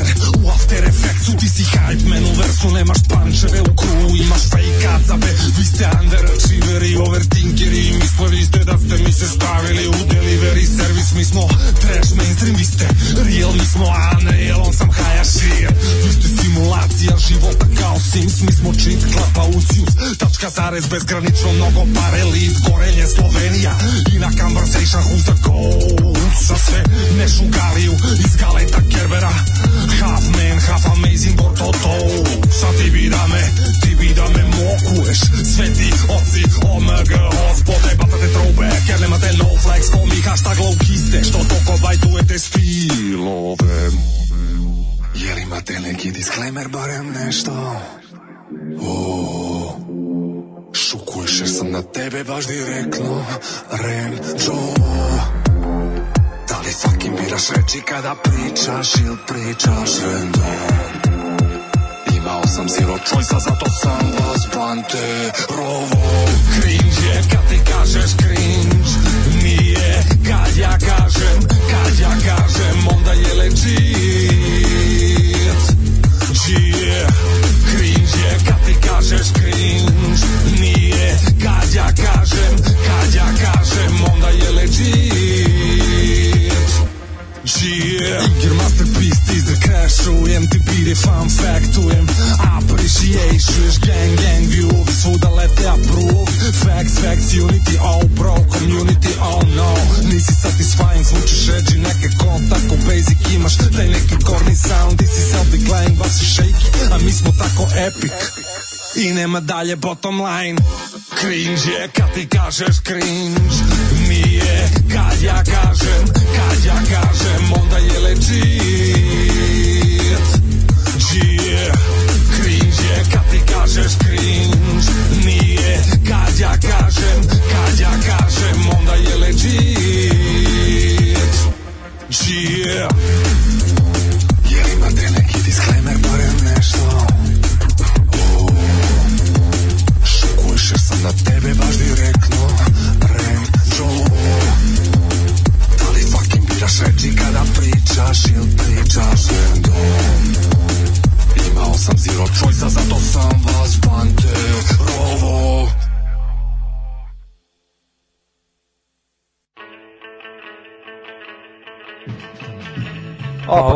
opaka stvar, znači pa ovo je fenomenalno, nova stereo nova banana. Nova stereo banana, da, da. Kako je dobro. Sad će im reći, reći će im ovi, ok, boomeri, boomeri. kad ne razumete mlade, da je dobro poseravanje. Po odlični su, odlično. Uvek, uvek sve protiv mladih. Da, da. Pesma je totalni mic drop kako kidaju. Da, da, da, jako su dobri. Kaže McKenzie da ostao posle ofanzive na Srem iz Bosne ide posle ofanzive na Srem Bosne ide nova austrougarska ofanziva, tako je, pa Kolubara, pa Zatišje od više meseci, pa Tifus, pa Nemci. Ne, a kad je došao McKenzen, izvinjavam se? 15. Pa 15. pa dobro da. A nije ovo tad bilo, bilo... Pa nije, govorili smo... Cer je bio 14. pa je onda bilo... Ovaj, pa to smo i rekli. McKenzen došao posle Kolubare, a ne posle Cera. McKenzie došao po, tek 1915. Da, da, da. To, Ajde, znamo, ovo je bilo ranije, ovo je bilo 14. Dok smo se mi, ovaj, da. kako se zove, gombali sa Austrugarima, tu nam je još išlo, ali onda mm. došli ovi pruski. Došli Nemci. Je, prašan, prašan, da, gads. Da. Um, tragikomična bitka je vjerojatno Phony War. A. Mm, jeste, to je Phony War, jeste. jeste. A, Pričali smo o tome, sećam se prošle godine. Tragikomična bitka je Phony War, to, da. da oni, de, de, nikom nije bilo jasno ili rat ili nije, u stvari. Neka glupost. Ovi su objavili rat i tu, u stvari, šta su, čekali su da čekali su da, da, da, da ih ovi potisnu do obale pa da ih, neko, pa da ih spašavaju preko Lamanša. Mm -hmm. Eh, A, kaže ovako, društvo, društvo mrtvokurih pesnika. Subotu jutro sa Marijom Stamenić emisija koja se gleda samo jednom rukom. Kada ono Ban Ivković pričaju o nekim građanskim projektima. Kaže, je li to nešto ga da je Sumpor glumio? E, e, Ivković je dalje aktivan. Oh, ja ne znam, taj, pa sad su ga nešto pitali povodom kad je bila serija mm. porodica, da se on pitao opet nešto, pošto je bio lik njegov prikazan onako kakav jeste. Ono. E, što reče Kissinger, biti američki neprijatelj je opasno, biti američki saveznik je kobno. Baš, baš to. Ove, vozni park krv ti jebem da kad stignu popovi da kupe džipove da. koje još nismo ni u reklami videli. Ne, to je prosto nevjerovatno. Ja, ja, ja ne mogu. Ja, a, mislim, posljedno pričati. Zarobljena, zarobljena riba iz kuleta ispusti kiku da se popneš, a zarobljena baka ti ispusti sisu. Joj bre, u Čićevu novom klipu je ona crnokosa iz Iljivice. E, pa dobro je, tako i treba. Ove, Jugo omila ovih mođernih fraza u tako kratkom vremenu pravi nešto kašasto od mozga. Um, Jeste li, ali kako su oni to dobro upakoli. Odličan bend, mislim, toliko volim da je da da taj taj Stereo Banana da bi čak išao da ih gledam uživo. Toliko ih voliš, ne pa, mogu. Da mislim da, da. Dotle došlo. A dobro, ti. Rođendan naš. Kada je gitara i pojačalo na bini, ja mogu se napalim. No. Izađu mi ljudi i gledaju, stavim im utisak da sam došao neki miting, a ne na koncert. Aha, mislim. Fali da, mi gitare, jebi ga. Fali mi benda, fali pa, boba gitara. Fali sve, razumeš, šta da, sad. Da, da. Ali nije, pa možeš, da. Okej, okay, ne, super mi je naši čovjek kad pusti lepo to sve. Može van matrično i matrično. Ma udrite kako god, odlično 1666. rođen je Ivan V. ruski car. Ja znaš nešto o Ivanu V. Pa, da kako se prezivao? Ne, to nije grozni. 1666. Pa to je moglo biti Ivan Grozni. Jeste, čekaj. Pa pazi, moglo bi. Ivan. Ivan the Terrible. Ko je Ivan V. Nemam pojma. Čekaj, bre. 1729. Mm. rođen je Moses Mendelssohn. E, ovaj, inače, ne znam da znaš, ovaj...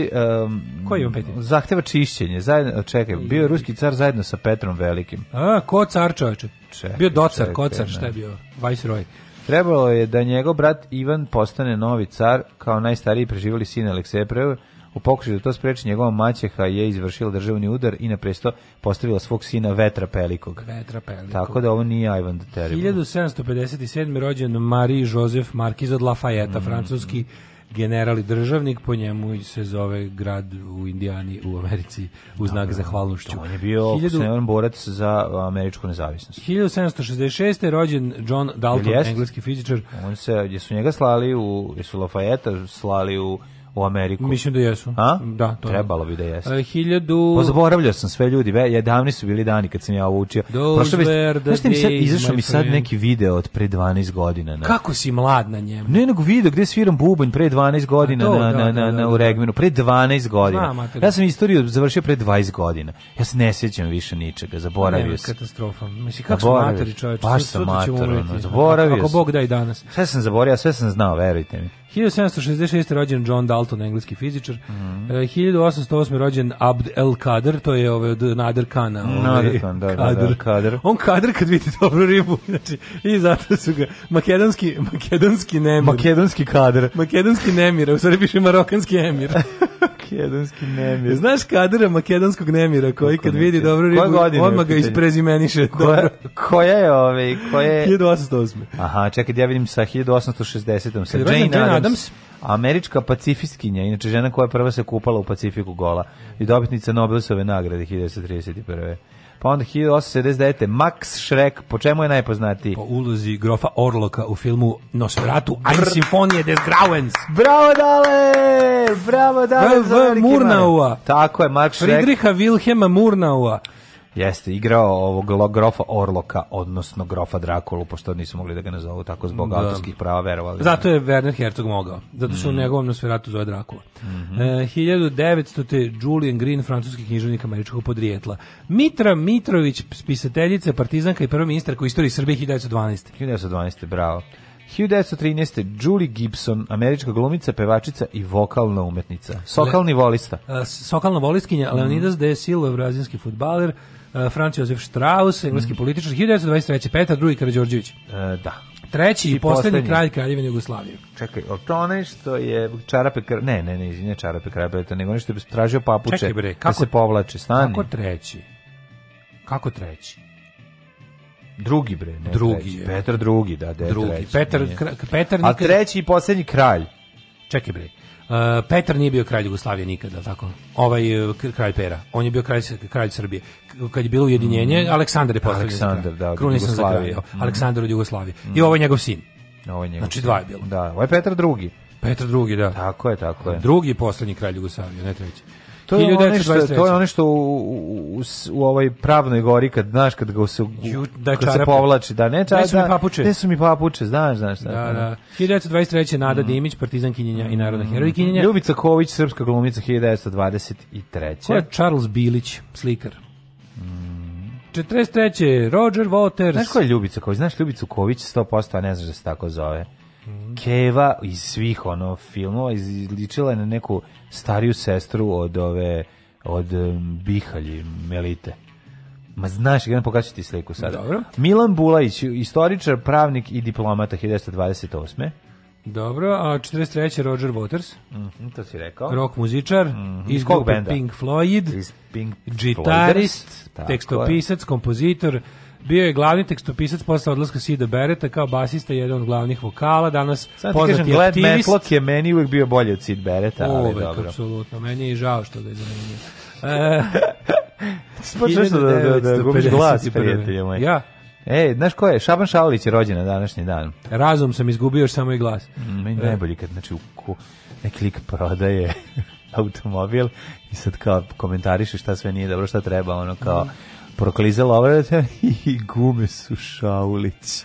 Uuu, to je tako bi je dobar. Gume su šaulić, trebalo bi Pošteno, kome danas rođen dan Šabanu. Da, 53. Da. je Ljiljana Habijanović, Đurović, Srpska knjižnica. Pogledaj tu jutu, odvrtnu babu. Ona mi su njoj, dokle su njoj ime a, a kad prestaje? Srpska spisateljica, ili to ime ili nije? Kako to smeće od književnosti, majku ti, ta trovačica, ta je, ta je milion domaćica oterala u kurac svojim da. skretenskim, ono, brown spisateljstvom katastrofa. Znači ona je bukvalno jesi je to je jedna od najboljih investicija srpske pravoslavne da, crkve. To je naj to je najveća monahinja ovaj srpske pravoslavne crkve u, u da. tamo u, u, sektoru u kojem je ženama zabranjeno. Jel treba žena Sa, se, zabranjeno da budu monasi. žena da se plaši muškarca, ona je to glavna stvar. Jezivo, znači te, te njene knjige, majko mi. To znači jednom sam bio na moru i Keva od eh, ovaj drugarice s kojom sam bio je imala ovaj kako se zove tu knjigu. Jesi malo list? Majko, Milović, počeo sam pročitati 30 strana, bio sam u zonu ja do kraja ove knjige ću postati mentol, onako, onako nastavim. Zaboravit ću sve što sam znao.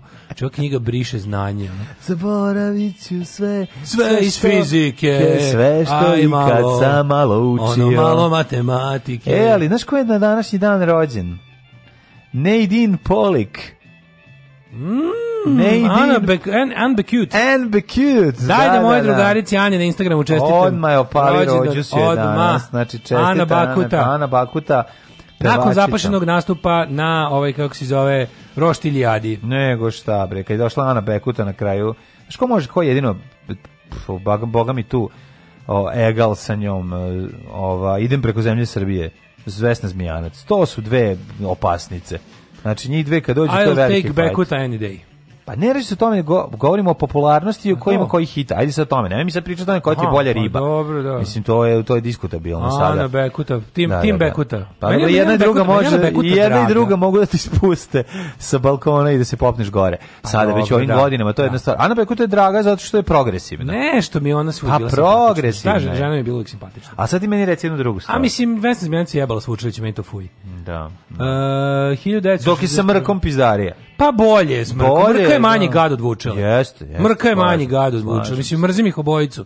Da, da, ali no, da. kako ti kažemo, ono Vučilić je ipak ono, slažem se. U rečniku zlo iz njegovog slika stoji pored. Slažem se. Ana Bekuta. Vučilić je jedan Ana Bekuta mi bolja riba od od. Pa od. A naravno da Ana Bekuta bolja riba. A drugo Vučilić je jedan tri na, čoveka koji najviše mrzim na svetu. Zašto pričamo sad o pa ovome? Ko je bolja riba od Vesne Smijanac i Ana Bekuta? 1961 Višnja Babić, hrvatska glumica. Mm -hmm. Ej, Višnja Babić smo da. smo komentarisali nju prošle godine. Pa svake godine smo. Ne, nego nismo mogli da znam da se da se setimo kako izgleda. Pa kako nije to ti ova bre iz Da li je to ona? Ma jeste, Ej, ti pere da, da, duja. Jel to ona? Da. Uh, Husnija Kamberović te pozdravio, kao mm -hmm. i mhm. Igor Štimac. Na današnji dan rođen je Dolores O'Riordan, mm -hmm. uh, pevačica iz The Cranberries. Na, pokojna, nažalost, jeste. oduzela sebi život. A ovaj, rođen je i Sulejman prvi, o, ne, izvinjam se, ovo su sad smrt, smrtov dani već. Ti, Ajmo, da, može, za nisam čuo. Sulejman prvi, e, veličanstveni turski sultan, ili kako ga u Turskoj zovu još Sulej, Sulejman obdareni ili Sulejman kome nije bilo no, moguće da je... proterati loptu kroz noge. Zvonimir Tronogi Sulejman. Pa onda Henrik French Fairwood, južnoafrički premijer. Pa, znaš koji je umro danas 78. Mm -mm. Čekaj, ti si još 78. 44. Petar Pešić, general. Pa onda? 78. Ajde. Adolf Dassler. E, Adidas. Adidas. Da, to su da. čekaj, to nisu Borazeri koji su se pobičali. Borazer napravio Pumu. Jeste. A, pedersko e, udruženje mladih amatera. Pedersko udruženje mladih amatera. Izašao iz Ormana i napravio patike. ja ću peder tip toper. Mhm. ja ću Puma ti toper. Možda reći da ljudi iz posljednje vreme jako izlazi iz Ormana, jako to pozdravljam. Do. Viđem sad i na pa Facebooku. Daj Bože da niko ne Viđem i kod roditelja dolaze. Znaš, nije više ono dođe s dečkom kod roditelja, Jarko, hvala Bogu ima ima neke nade i onda vidimo opet ovo u Crnoj Gori, onda pomislim opet nema, nema nade. nade onda opet izađu pedi. Ako nas neko ne spasi, spasi nas pedi. Majke mi. Majke mi, to izla, Izlazite jače, jače, izlazite Ajde. bolje. Umro Kira Kurosawa 98. Mm. 2007. Lučano Pavarotti. Mm. Debeli anđele. Debeli anđele. E, ti dalje nogiran? Pa, da, ti isteklo? Taj forum više ne postoji. Je li isteklo? Pa ne postoji više forum B92. Mislim. Postoji. Dok postoji, postoji B92 može. Postoji biće i foruma. E, možda je isteklo, možda možda nešto da napišeš. 2008. E, zaboravio sam username i password. Riza sa Punđiju. Ne, umro je i Bert Reynolds, uh, američki glumac, najpoznatiji nama iz filmova Smoky Bandit. A umro je i jugoslovenski Bre, Bert Reynolds, Vanja Drah. Vanja Drah nije jugoslovenski Reynolds, ali odličan glumac. 2019. Mugabe, čoveče, mhm. zimbabveanski političar. I 2012. upokojio se Boži rab Dragoljub Ojdanić. Ju, general Ojdanić. General Ojdanić, znači, taj izgleda kao da ga je Mataković nacrtao. Znači izgleda da čovjek da. karikatura. Ja kada bih teo da sa onom pištoljčinom, ja da pasu, neku, ja da magnum neku, je imao. Ja da sam zaposlen u nekoj onom kako zove ilustratorskom odeljenju anti, antisrpske propagande, ja bih samo njega crtao. To, tako i to, to je stvarno izgleda. Znači on, on, on je baš bilo onako lice naše propasti. Liče naš, to, to je taj, taj neki, onako kako što zove, ono, general šef sale. Nije to general blizu očima, on baš nešto general nije General šef sale, znači e, to, general to, da. šef sale. Jeste. Alarm sa mlađim i Daškom. Alarm svakog radnog jutra od 7 do 10. Alarm.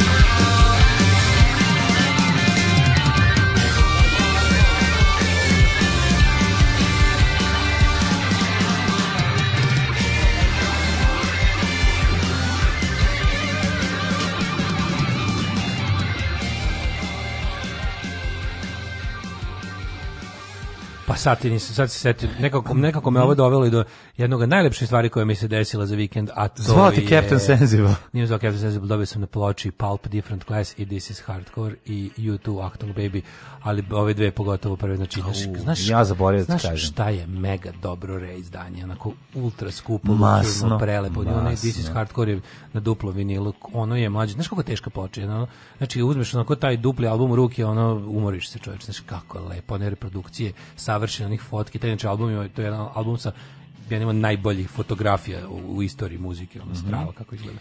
E, ja sam ovaj bio na burzi ploča, bila je u američkom ovom kulturnom centru, na, da, da. Na Keju? Na Keju, znaš kako bilo dobro, prepun Kad je ploča, u subotu prepodne. Stvarno, što si rekao?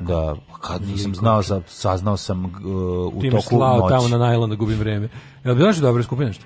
Kupio sam, ovaj, i vodio sam Feđu prvi put i Antona, išli smo zajedno, tako da sam stigao da kupim. Tako si ostao sat, ono, 20 minuta. Kratko sam, ostao sam kupio, ovi, ovaj, što ne, kupio sam Nenu, nemačku brenu, super stanje, ovu sa Neuzig Neuen Lumbalon i, i uzeo sam, i uzeo sam ovaj Combat Rock Clash i to se uzeo super pare. Ja nemam nešto. Combat Rock, ja Znaš, meni to je jedan ploča koja mi fali. Stvarno? Nemam Combat Rock, e, to svim, to, to je ploča. Ću... Ako imaš nešto od Clash, imaš to sve. Ne, moram pogledati ako imam još jednu negde. Ne, ni to uzeću ga, al nikad uvek zaboravim. Da. Što to, to, to je apsolutno na svakoj jebenoj berzi. Ima, dobro. Dobro, ja sam... nas obilju u nekom nenormalnom tiražu. Da, da, da. Ja sam je kupio za 500 dinara, mm, dobra cena. dobro, a, ove, a ne, ne, brand new za 250 dinara, super matorca od koga stalno kupujem ploča, ima odličnih ploča. Vola bi ti treba da odeš, bre, znaš kako... kako A kad bi mi rekli, ima, ja nemam Facebook. Pa nisam znao, ja kad saznao sam... I'm Facebookless. Noć pre toga jer sam vrteo. U stvari još tužnije, ja imam Facebook, a nemam prijatelja. Veče, pre toga sam vrteo, ti biti prijatelj. E, hvala, ti jesi prijatelj, pošto moram da imam pet prijatelja, da bi mi Facebook ne bi ugasio. Pa onda... Moraš ću... da imaš pet prijatelja kao, kao u knjigama i Need Blyton, i da da bi mogao da da bi, da bi mogao da držim star page za našao sam ove ovaj, u sitne sante sam video da je Miša okačio znači ne bi ni ja prosto Aj Kenjam kad neko pošle sve friend request ja odbijem. Mislim zašto da. ne mogu šef. Ako budem još ima i Facebook ubiću se. Ono. Pa ne. Ovaj um, e da, kralj Peter je bio zapravo kralj pri ujedinjenju kad je bila Jugoslavija, mm -hmm. kad je bila kraljevina Srba, Hrvata i Slovenaca. Al dobro mislim ovaj ako kažemo Jugoslavija, onda je stvarno čekaj, Aleksandar prvi. Čekaj, od Jugoslavije. Je čekaj, čekaj. Bio regent, ali je... U, A, jeste, kod, jeste, ovaj je bio regent, kod da. Kod da. ujedinjenja ovaj je bio, je bio kralj Petar. Mm -hmm. Ali kad je prebačeno, ono, da. Jeste. Pa kaže, a da vidiš kako se tek prodaju njene knjige, oceko bi si ruku do kolena. Brate, išao si na more s drugaricom i njenim roditeljima. Ako nisi slagao, stvarno si postavio standarde. Znači, još bolje, standardi su... Ja sam zapravo išao sa... A, uh, išli smo ja, moja cura, pa kod, kod, njene drugarice smo išli na more, tamo su bili njeni roditelji. Da. Tako da smo sa, sa curom išli kod curinih, kod curine drugarice na more. E to je postavljanje. Samo da to da je grebanje. Ne, samo da se ne plati. To je grebanje. Samo da se ne e, plati. to je uvaljivanje. Da. To da. je uvaljivanje. I vozili su se u prikolici od fiće u kojoj je bila puna kukuruza i lubenica. Naravno. Kako drugačije da se isplati letovanje. Čak je i prodavao lubenice i, ruk, i narukvice prijateljstva, a crtao je i kanom. Pa, Stvarno, ostanem tamo čoveče, šaljive, seko sam šaljive portrete na, na, na, ovoj, na rivi. Nego šta, šaljivi portreti na rivi i... Tetovirao ovaj, kanom. Tako je. E, kad god čujem Sup, Havjanović, svaš. sedim se Mirka Đorđevića koji je svojim mirnim glasom kaže, ja se sećaš da. se njegovog mirnog glasa. Da, u starosti ne? čitam bukvalno sve i svemu mogu da nađem neki smisao, ali je ovo toliko nečitljivo da ja to u životu nisam vidio. da. da. Kaže, molim te, da je bekuta riba bolja, vučila bi bio s njom. A ovaj... Kaže, ona je pri Benjamin Button. Kad vidiš njene slike 80-ih, hvali samo da nosi tortu i da je pozadina dekupaž. Zmijančeva se Boga mi, njen muž je zadnjih 10 godina kad je dobila unuka, jebi ga. Ne, ne, vidi ovako. Um, Vesna Zmijanac bila ozbiljna riba kad je bila mlada. Ja to ja vam to ja vam to ni ne sporim. No. Ali, ovi moram da vam kažem da je vremenom, jel da kako smo mi e, stasali, tu se podelilo, mislim, nikada, uvijek je Zmijanac bila, um, trebala je da bude suprotnost lepoj vreni. I napadala, nikad nije napadala ovu stranu, znači, napadala Aha, to je, to je bilo naše Beatles and the Stones, kao posle pa što je postala bilo, kad da, da, u Saboru su bili u Saboru su bili izmišljeni fajtovi između a, a. ove izve, u stvari zapravo mislim da su bili fajtovi između bivših žena. Ako se ne znam, koje su bile, al Zahar bio njen muž. A Zahar je bio muž i od ove... Ne, ne, ne, čekaj, čekaj. Zahar? Da, od koga je on sve bio muž? Bio od Gordana Lazarević, sigurno. Ali ne bilo ne, onda bio ne je... zakon, onda neko drugi. Bio su, bio, oni su imali sve nekog jednog muža, sve te pevačice, ne mogu Pa da bio taj jedno što ih ono apruvuje. Pa ja mislim da bio Zahar, ono. Kad dobiješ pečat na dupe, tu apruvuje. A, ne znam da li pečat ili šta je, ali je mislim Zahar da... je bio muž od... Bio od Gorana Zarić sigurno. On je sad, ja mislim, Goran nije pokojni, mislim da je pokojni tako? Ja, možda i umro Zahar. Ne znam. Kako je to? On je baš onako čovječe. Ne, ne znam dalje. On je sklizao iz ruku. Ne znam dalje. Nije, nije ni Kemiš, Kemiš je bio muž Kemiš, od onda, pa onda bio, e, Kemiš. I od, Zorice e, Brunca. E, pa to je onda bio fajt između nje i Zorice Brunca. Pa da, ali, da, da, ali bio je fajt i nešto kao Lepa Brena, ona, mislim da bio fabrik. Slušaj, Lafayette, Lafayette učestvovao u američkom ratu za nezavisnost, pa bio jedan od vođe francuske revolucije, pa kad je video kako revolucija jede sopstvenu decu, pobeg od giljotine, pa se onda kad su srušili Napoleona opet vratio i da. opet bio važan faktor prilikom restauracije korporacije Bourbona. Max Bunker je komotno mogao da ga ubaci Alan Forda kao jednog od povratima broja 1. Pa on jeste u jednoj epizodi. Čovjek ceo vek jebote. Lafayette jeste, u, ako se ne varam, u priče broja 1. Moguće. Koga ona spuci sa 12 strela, ne znam. Ne Kaže, pa e, Kurosaurus se moj drugar išao s drugaricom i njenim roditeljima na krstarenje. E, Ma, dobro. dobro. Ajmo da vidimo ovaj, da, da, da vrem. Mhm. Mm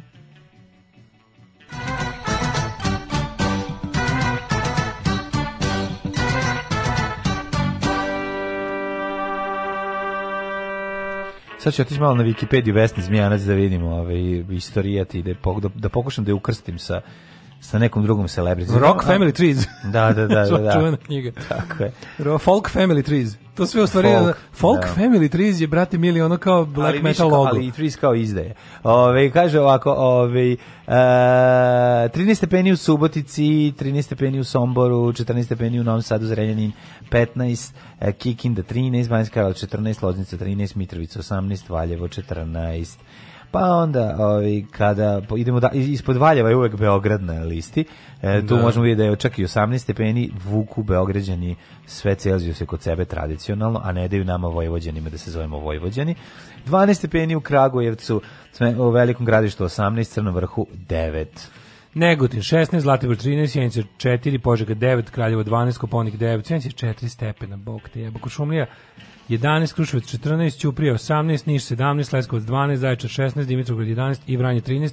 Znam, kad mi je bilo teško preko vikenda gledao sam Indija, ja sam vidio kako je tamo neki nemački ekspedicijni korpus na, kad, na onom pohodu na, na, mhm. tamo mm -hmm. na Kavkaz. Ovo ovaj, je već 11. avgusta bila zavejana. Oh my pa je, I to baš ozbiljno zavejana, na nekom prevoju ono, da, da, da. gde su išli nešto. Da, da, oni neki prva brdska divizija. Da. Što su išli da se penju Koliko na, ih se na, El, El, El Bruce, tako zove. na, da. vrh. Sovjetskog da, saveza i da. Evrope ujedno. Pa da. tamo nešto. Da povodu zastavu, da, da je povodu zastavu. je Hitler popizdeo zbog toga? Znaš, Hitler, Hitler popizda zbog toga. Rekao, to su gluposti, kao to je ono kao, manjete me toga, kao jeste vi uzeli Stalingrad, to vi meni recite. Ne. Ko je vama rekao se penjete na planinu? Koji će mi kurac ta planinu? Ne. Bilo baš ono, kao oni misleće da, da jako Firer bude srećan. Pa, pa to je to uvlačenje Firer. A da, da, da, da, da to niko, niko njima nije izdao to naređenje, osim neposrednog direktnog njihovog komandanta na terenu. A, dobro, bio neki Toma Mona, pa rekao. Bio neki vlakač, da, da. Rekao, da, da. Zašto vi, ovaj rekao, ovo ovaj sam rekao, a zašto vi niste kod Stalingrada? To je sam rekao. Ove, e, da, kako vreme će biti naredni dan, će biti kiše? A, neće. Neće, hvala Neće, biće, biće danas mali, mali šmrling, 25, malo oblačno, ali vidim, svih, svih narednih dana prelepo vreme, 25-26 stepeni, idealno. Idealno vikend. Ništa to ne vredi, ne. mladene, kad je ujutru minus 9. Idealno vikendično vreme. A, da, to da. da. Uživajte ko ima. Kako ću ti se usrati u život, kurvo? Alarm svakog radnog jutra od 7 do 10.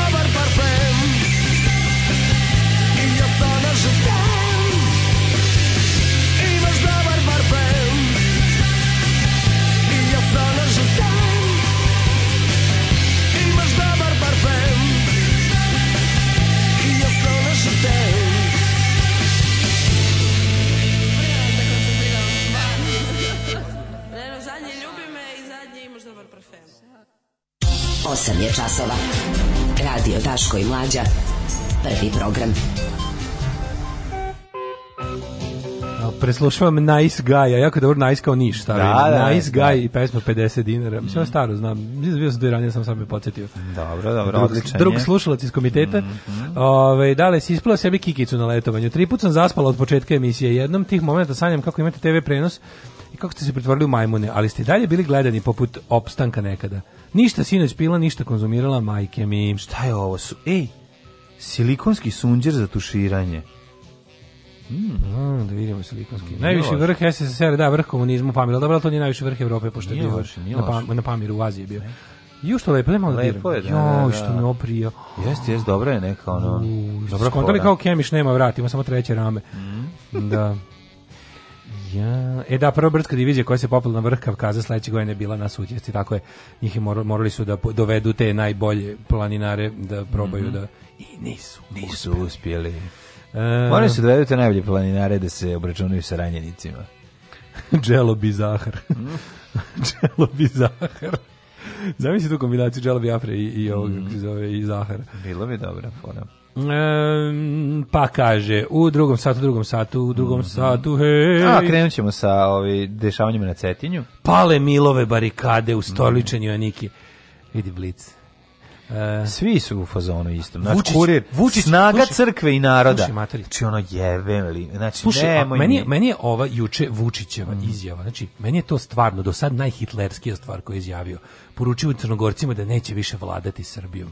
To kao naš, šta, šta to znači? Kako to, znači to je bilo Kako to može da pričaš? To mi je naj do sada da. znači ono od njegove bogate kretenske da. karijere i glupih izjava. Ovo mu je do sad najviše bilo kao naš ono fuzonu poručuje Crnogorcima da neće više vladati. Zna se koji senke tajno da, vladao. Sente nosati štakori da. sa znaš Davidovom zvezdom. To je baš to. Nema, ne možemo. Ja ne mogu više, ja trpim stvarno pritisak tih crnogoraca. Dobro da se, da. znači mi juče oslobodili znači, smo, sad znači, smo oslobođeni od crnogoraca, čoveče. Ko je sledeći? Znaš, znači, šta je sledeći? Moramo se osloboditi od Vojvođana. To je sledeće. Pa to je sledeće. Znači, oni više nemaju koga, samo što malo problem je što mali problem je što kad kažem nemaju koga fore što njemu to uspeva. Znači, Zašto je? Moramo, moramo da malo proanaliziramo. To treba malo pričamo zašto su svi ljudi nacionalisti. Eto, za, to je jedno to, da, pitanje. Zašto su svi ljudi nacionalisti, to je prvo pitanje, a drugo, o, ovaj, kažem ti, ne to postoji... su svi ljudi nacionalisti, jako malo ljudi su nacionalisti. To je sad već jako ispod malo. 1%. Pa ja imam, da utisak da, imam utisak da on kaže ti ni ni ni oko čega ne se ne osjećam ali, usamljeno ali, kao ali oko utisak, pogleda prema Crnoj Gori. Ali utisak da je, da da da, da je mržnja prema nezavisnoj Crnoj Gori veća od bilo koje da, da, mržnje. Pa zamenili su sve Albance čovječ na prvo mestu. Pa ne, znači, rasi, da rasizam da. prema crnogorcima da. koji indukuje država, da. koju, koju SNS i država prave među ljudima. Pa to je nešto potpuno iz, proizvedeno. Znači to ljudi, ljudi nisu osjećali tu mržnju prema. To je nešto što bezi, još se nije tako ni dobro primilo ne, u smislu ima. da da koliko su ovi uložili u zadnje vrijeme. To imamo da da ima kao ljudi jesu, znaš kao, jesu nacionalisti, jeste ih, lako, da- jeste, jeste ih lako upaliti na te dirke, ali mi se čini da nekako, znaš, da je država tela to još vištala veću strast. Ali imaš osjećaj da on kao nacija, kao 19. vekovna izmišljotina, ovaj, ili imaš osjećaj da, da, da crkva... se najbolje ne, primila. Ne, nešto se primila, nego imaš kao da najbolje. da crkva želi da je ugasi. Da treba da postane, da, da, da mi treba prest, pre, da Srbija treba da se, da se zove u budućnosti pravoslavna država Srbije. Razumeš da neće više biti... Pa nije, nije u Srp, Srpskoj pravoslavnoj crkvi je srpsko jako važno. Znaš, mislim, kažem ti uvek, uvijek se setim onih nekih, ovo kako se zove, ko je to pričao, um, ne znam, ne crkva ima toliku moć. Znači ono u poslednjih neki američki poslednjih 6 meseci pisac. je toliko jako demonstrirana moć crkve za koju pa sam mislio da ali ona je da prvenstveno nije... srpska, pa tek onda pravoslavna, pa tek onda crkva. Ali je fora što ovaj što je varijanta da je, znaš, mislim to je jedan američki visit rekao, kaže ja sam on, on je, kaže moja druga supruga je bila uh, Srpkinja iz Amerike i ja sam se u, on je inače kao meni to nije ništa značilo, ali pošto njene porodici njoj značilo da, da. obred bude venčanje okay. da bude tamo, ja sam se kao krstio u Srpskoj pravoslavnoj crkvi i ovaj kako se zove tamo smo se venčali sa kao u, u, budućim kao tim danima prvim no, on je kao tražio da idemo kao da se družimo tamo njih njen, njen, njen da. kao krug prijatelja je bio vezan za tu crkvu. Kaže Ja sam išao nekoliko meseci i kao samo sam jednostavno rekao ja više tamo ne mogu da idem, meni je tamo odvratno. Kao ja nikad u životu nisam čuo toliko ono kao reakcionarnih nazadnih gluposti plus što tamo u životu, kažem kao u životu tamo nije tamo i tamo se ide da se obožava Srbija, a ne Bog. Aha. Razumeš kao tamo nikad nisam čuo neku religijsku propove, tamo se isključivo pričalo o, o ne znam, o nacionalizmu, o tome ko sve mrzi Srbe, šta treba, koliko mi treba gde da pomognemo, o ovom pravednom srpskom ratu, o onom pravednom srpskom ratu. Tako da to ti je onako pogled jednog stranca koji se tu zatekao znaš, kojem je bilo čudno da, da kao što, znaš, ovo, ovo čak ne liči na, znaš, čak ne liči na, ni, ni na religioznu službu, nego na, Znam, na nacionalistički skup. Imali smo pet puta za redom, ono isti scenarijo i mi i dalje Peti put to padamo, pa tako pa da, je. to, je znači, to, je, to je ono što mene brine. Moramo, moramo da malo analiziramo zašto, da. je, zašto je Evropska unija i Amerika, zašto su dale Vučiću i Crnu Goru.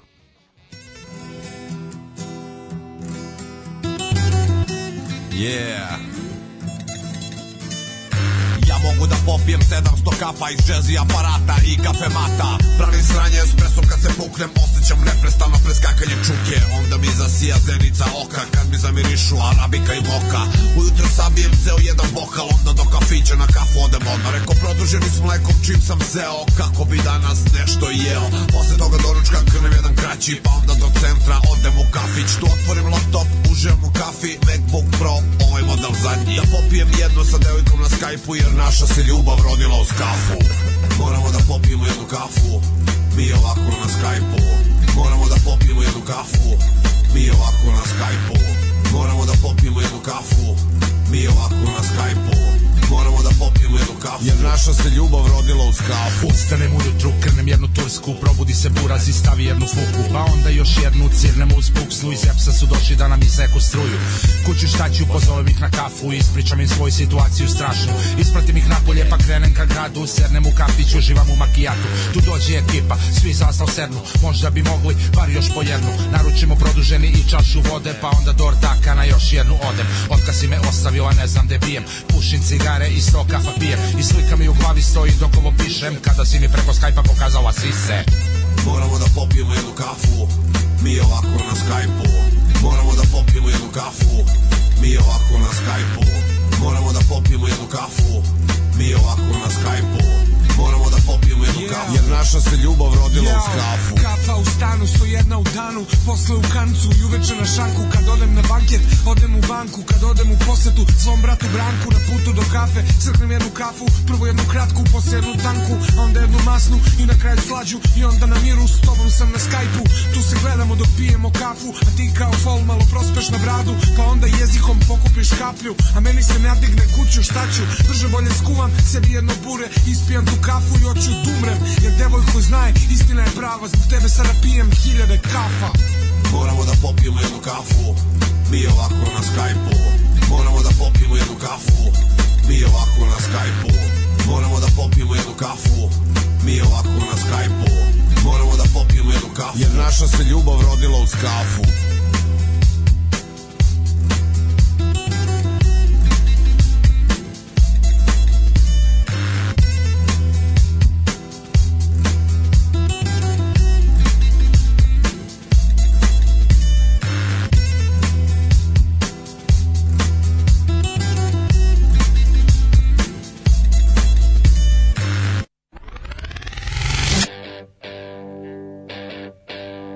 i kome nagovori da uzgajam pečurke.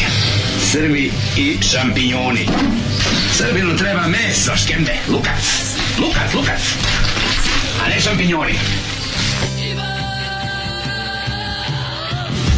Alarm svakog radnog jutra od 7 do 10. Od 7 do 10.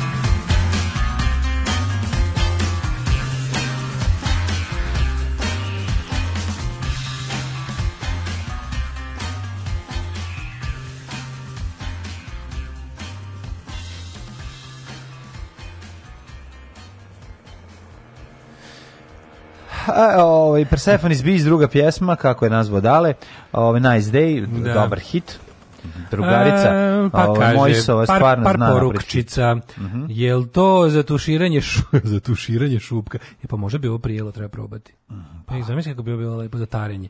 Uh mhm. -huh. E, pogledajte Nice Gaja, mora pustim kucče. kucče. um, pa kaže, E, da li je ta nemačka brdska divizija, kaže, ono što su tali da postave radio stanicu na vrh planine, pa izgubili mini nuklearni reaktor koji su poneli za, za napajanje. Nisu imali mini nuklearni reaktor u ratu. Ove, ovaj, ovo je moja jebina himna, kafa, kafa, kafa, kafa, kafa plus cigarete. Za ženja pisao. Da.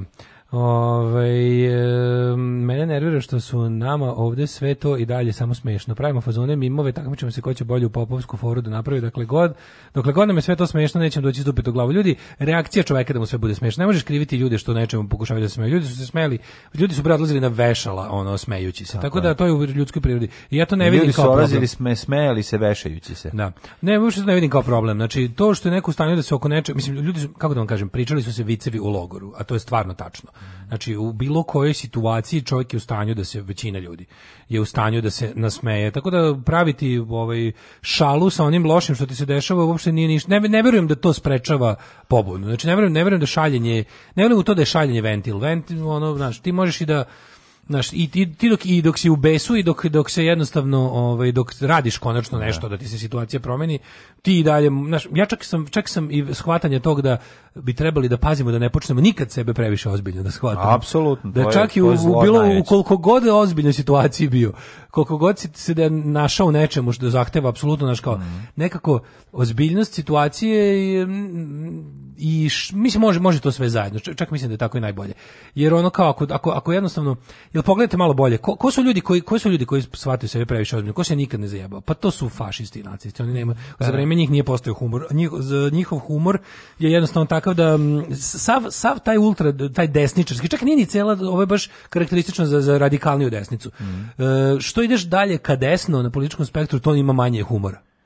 I onda vidiš da zapravo jedino što je u recimo nacionalsocijalizmu u Nemačkoj bio kao humor je bilo samo isključivo ponižavanje i vređanje jevra. Da, ali imali Ceo njihov humor je bio samo imali su onih iz... humor koji je bio za njihovu kastu. To je isto, ovaj pa, malo... možda su ne, naravno u ljudskoj prirodi da se privatno sprda sa svim i svačim. I naravno da verovatno kad dođeš kod Geringa na večeru i na orgije da se da se pritom i dobro provedeš sigurno. Ja, pa to ti kažem kod Siguran njih... sam da je bilo zanimljivo. Zato ti kažem bilo podeljeno pokaz bilo kome dozvoljeno da se šali, pa, isto onima kojima je bilo dozvoljeno da se da ovaj tome. Se sećaš da smo e, pričali baš tome kako žene jevrejkama ovaj ili da o, da ispomeraju malo poreklo, za, da. ili da malo da da da poremete no. Da. zakone koje su upravo izmislili pa ih pa, malo što izmene. Imaš, što si bliže centru moći to su ti ali znaš pričali smo o tome sećaš pa kad smo onda imali onaj dobar zaključak na koji sam vrlo ponosan ovaj sociološko kulturološko filozofski da kao prava moć zapravo se ljudi kako, kako kako moćnici znaju da su moćni tako što uspostave gomilu pravila mm, koja no, onda, onda ih se ne pridržavaju pa, da. jer ti si u stvari time pokazao pa, da. ti, ti kada si zapravo taj fanatični pravi vernik svoje ideje, mhm. onda si nekako nje. Ali ako hoćeš baš da pokažeš koliko vladaš ljudima, ti onda napraviš stroga pravila za koje vešaš ko se ne pridržava, mhm. a ti lično ih se ne pridržavaš. Pa da. I to je u stvari ti, ti si time pokazao ultimativnu moć. Pa da. Znaš, ali to je ovaj, taj južnokorejski moment. Da, da se vratimo na ovo što je bilo. Znači, za vikend očigledno je sve e, kako, kako to izgledalo. Znači, A, priča je bila sledeća. Može, kako, kako postaviš stvari jedno gledište pa drugo. Evo recimo ako bi sad teo da braniš slučaj vlade Crne Gore, bude ovako. Na Cetinju je grupa ljudi pokušala da ugrozi verske slobode jedne verske zajednice. Tako bi ti vlada Crne Gore ispričala i ok, to, to, you, you can make the case za tako nešto. I onda kažeš tamo je, ne znam, jedna ovaj, oni što je jako čudno u njihovom političkom ovaj diskursu stalno to jedan malo su jedno malo nisu mhm. na primjer oni stalno pričaju kako to kako je bilo ugroženo pravo manjine kao srpska pravoslavna manjina a opet s druge strane oni klejmaju pravo na celu državu jer tvrde da zapravo njih ima više nego ljudi koji su znaš, koji su crnogorci i žele crnogorsku državu i onda je pitno naravno ne. Da. mislim ono to ti je, to je prava nacionalistička fora da pola vremena si ugrožena manjina a pola vremena si većina kojoj sve pripada i ne može da trpi da je manjina govori što da radi tako 91. Ono, da, na ovim prostorima Mislim. Znači, to je to, to, to je jedno gledište. Drugo gledište je bilo gledište ono kao ovaj, crnogorskih suverenista, je bila varijanta da je ovo zapravo bio manje, manje verski ritual, a više politička demonstracija Moć. sile i odnosno da. pokazatelj kontrole srpske države srpske srpskih tajnih struktura i ovaj, nad, nad državom Crnogorom. Sad ti možda gledaš to jedno ili drugo, ali radilo se o tome da priče na koje se oni pozivaju kao tipa mi ne možemo, mi moramo da ustoličimo tamo vladiku i ako to ne želimo onaj kao grad u kom se to sve dešava, zato što je to tradicija. Mislim ja bih samo podsjetio da patrijarh koji je poglavar te crkve nije ustoličen tamo gde nalaže tradicija prvi put u istoriji. Da. Patrijarh Porfirije je prvi patrijarh Srpske pravoslavne crkve od kada ona postoji pod raznim imenima, koji nije kako se kaže, ustoličan ili koji već, mislim, znam da je hirotonisan vladika, ne znam da li hirotonisan mm. patrijarh ali nije ustoličen u Pećkoj patrijaršiji. Mm. Ni, ni simbolično, ni, ni realno. Znači, nije, nije se to desilo. Čak i prethodni patrijarh Irinej, koji je isto za vreme potpuno nezavisnog Kosova postao patrijarh je, je, imao ovaj kosovske vlasti i međunarodne organizacije tada koje su bile jače na Kosovu su omogućile i celom da. državnom vrhu Srbije ako se sećate i Borisu Tadiću i, i predstavnicima drugih verskih zajednica kada kao gosti budu u peći gde je on bio da bi se poštovala vekovna da. tradicija. Ali evo u slučaju Porfirija on je on nije bio ovaj kako se zove Pećka Petrašija rukopoloženje u, u ovaj kako se zove u Beogradu, ali odjednom jako bilo važno da neko ko je zapravo niži po činu u crkvi bude mislim isto tako je i za za ovaj Amfilohije, Amfilohije isto bio kad je došao na čelo a, mitropolije Crnogorsko-Primorske je ovaj on je rukopoložen u manastiru. Tamo je njemu tamo je zvanično njegova njegov, njegov dvor, nje tamo je stolovao, kako to ne da kaže. Ali u realnosti od kasnih 90-ih on nije bio skoro nikad na Cetinju, nego je stalno od kad su sagradili na tvrđavu crkvu u, u, Podgorici, manje više se celokupna crkvena aktivnost Srpske pravoslavne crkve premestila u Podgoricu i u tu tvrđavu tamo, koja je, mislim, Milo Milo, ovaj kako se zove, e, pomogao, država je pomogla gradnju te crkve još u iz perioda kada su oni bili dobri. Mm -hmm. Sa jednim s drugim on ovaj nije znao da tamo zidaju bazu koju će koristiti za napade protiv njega koji će na kraju i doći, doći ovaj politi ne glave, da. ali političke politički, karijere. Mislim, da. Što je mislim, znaš, i sad tu možemo da pričamo i o tome kasnije o tome da vidimo ka, koja je veza Cr Mila Đukanović i Srpske pravoslavne crkve, kako se kako, kako su se oni lizali i koliko su se posle pljuvali. Ali hoću ti kažem, naš cela priča je o tome da ovo što smo mi videli da je, da je to zaista bio ono kao jedan, ver, jedan verski obred, taj njihov abrakadabra, hokus pokus, ono ovaj magijski ritual koji održe, to bi zaista bila jedna stvar, ali je, ovo je bila kroz stvari koje su prethodno, mislim, Vučić je najavljivao svoj dolazak tamo, do, do, dan pred odlazak. Pod, počinjavanje pa podčinjavanje e, zapravo, Srbije, da, Cetinja koje je ono koje je da. važi za za, da, za da, centar za da. centar sada opozicija da, da, Cetinje je znači od mislim ako ako treba nešto znate Cetinje je bilo od početka ratova ovaj, u kojima je tada Milo Đukanović zajedno sa Momirom Bulatovićem učestvovao na strani Miloševića protiv ostalih jugoslovenskih republika. Cetinje je 91. držalo vrlo masovne antiratne skupove. Tamo je bio centar Liberalnog saveza Crne Gore, koji je bio od uvek separatistička, independentistička snaga, uh, odvajanje. Zapravo, oni su isto bili likovi koji su, pazi, prvo najluđi od svega, tu, ta, ta, taj pokret za nezavisno Crne Gore su činili ljudi koji su podjedan voleli Jugoslaviju, ne. a ne Srboslaviju i ne Miloševićevu ono sklepanu SR Jugoslaviju. I oni su, nisu teli da Crna Gora postane deo, da ostane sa ono balkanskim luzerom i koljačem u zajednici i kao takvi su bili i antiratni i ono, znači, bukvalno su bili uh, proneli ono u vreme kad je nekad kad je kaljan obraz Crne Gore na ratištima po, po Dubrovniku na na na prvom mestu jer je tamo Titogradski korpus vedri oblačio oni su još tada bili protiv tih stvari tako da Cetin ima jednu tradiciju ima i antiratnu i, i jednu intelektualnu i pa ima naravno u svakom smislu ima, je, ima je tu pravu centar da. je centar je da, crnogorstva tako je. u tom nekom smislu kao, e, kao kao političkog pokreta za nezavisnost Crne Gore mislim na kraju krajeva kada je 1918 svrgavana dinastija e, specifična Petrovića humor, tamo odatle su Specifičan humor pa je, je, to je isto I pa ovako jedno, ono što se što ćeš čuti na Cetinju nije ono karakteristično za za čitavu Crnu Goru. Ne, jesu, galsko selo su. Galsko selo je da, da onako interesantno. Ali je ovaj naš i naravno naravno da je to to je to je to što kažeš, to je to je ono u, uvek u nekim u takvim sukobima su simboli važni. cetinje mm simbol, kao što je Ostrog simbol srpstva u Crnoj Gori, kao što oni tamo znaš, mislim to je isto isto tako. Ovo je ovo je ovo je ovo ti je jezgro crnogorske državnosti da tako kažeš. I sad jako je bilo važno tamo pobosti srpsku zastavu. No. Da. To je jako bilo važno Aleksandru Vučiću, ono starom šovinisti i nacionalisti koji ne može da podnese. Ne, on je da samo štitio nas od crnogoraca koji ne. Da. nas svakodnevno napadaju. Ta ono, Sr, ono to to to, to izvrtanje, jedno, ja ne ono mogu da verujem, ali to to, potpuno... to meni mislim, znaš, odnos prema Crnoj Gori je finalni lakmus test srpskog nacionalizma. I tu je ono gde uglavnom ostaješ prilično usamljen. Čak i među ljudima koji su uspeli da svare ne, meni, mnoge stvari, meni je zastrašujuće da... kad vidiš koliko ljudi yes, se zapravo jezivo. upeca, pošto ja stvarno ono, jako puno ljudi im na Mm, Facebook kao prijatelje koji što ono godinama unazad što preko benda, znači ljudi koje ni ne poznajem. Ali onda kad je krenulo odjednom Uh, ti vidiš zapravo da da sve ko agenti spavači čekaju momenat kad će ono disi. Brate, moji prijatelji na levici su svi popušili tu priču. Ko, ono su tamo, to su jedni nacionalisti. Pa nije baš tako. Prouči malo situaciju, najlakše. To je tako naš priča koja je lakše ta, na, najlakše tako odbaciti. I to kao pri Crnogorska pravoslavna crkva. Pa nisu tamo bili nikakvi vernici Crnogorske pravoslavne crkve. Znamo, no, ta Crnogorska pravoslavna crkva možda računa na 50 ljudi u svojem. Što je stvarno sprdnja, ali ono radi se o tome da to nije bilo to, nego s jedne strane Znači ovdje pokušava da nam se proda priča kako to bio sukob dva nacionalizma. Prvo crnogorski nacionalizam nije etnički nacionalizam kao srpski nacionalizam i nije nikakav ekspanzionistički, niko u životu od tih crnogoraca nije okolo da objašnjava drugima da su crnogorci. A Srbi to rade 30 godina za njih. I u ime toga šalju tenkove i artiljeriju na razna mesta. Ne bili objasnili celom regionu da su oni u stvari Srbi i da im je jezik srpski. Pa ali znam, ali ako su oni svi Srbi, zašto ubijate rade? te ljude i zašto ih napadate? Zašto su se narodili, ili ćete priznati da ste naši pa ćemo vas poštediti ili, ili će vam se desiti ono što se desi svima koji neće, neće, da neće, neće da pa raditi u Juri. Pa da. Razumeš, to je to, to je poenta. Naravno, svešćemo na naš standard. standard. Znači, da. to je jednostavno stvar koju gledaš koja se ponavlja. I stvarno mi je tužno da ljudi koje smatram inače pametnim, ja mislim da su oni glupi zbog toga. Da, ne, ali zašto popuše da priču? Popuše priču. Zašto? Razumeš kako je moguće da neko postavi Evo sad nisam još otvorio poruke, dobićemo mi ovde da branimo Mila da smo mi stali na stranu crnogorskog nacionalizma, jer je to stvar koja se čak i u takozvanim slobodnim medijima, ovaj kako se zove ovde kod nas to mora, znaš, to je da. ono priča, to je, znaš, to je bio suko nacionalizma, pa da, pa ono trebalo ono, pošto, pošto ono, znaš, pošto postoji, pošto nismo sredili hrvatski nacionalizam, treba dobro je bilo da smo slali tenkove na Vukovar otprilike, ono razumeš. Mm.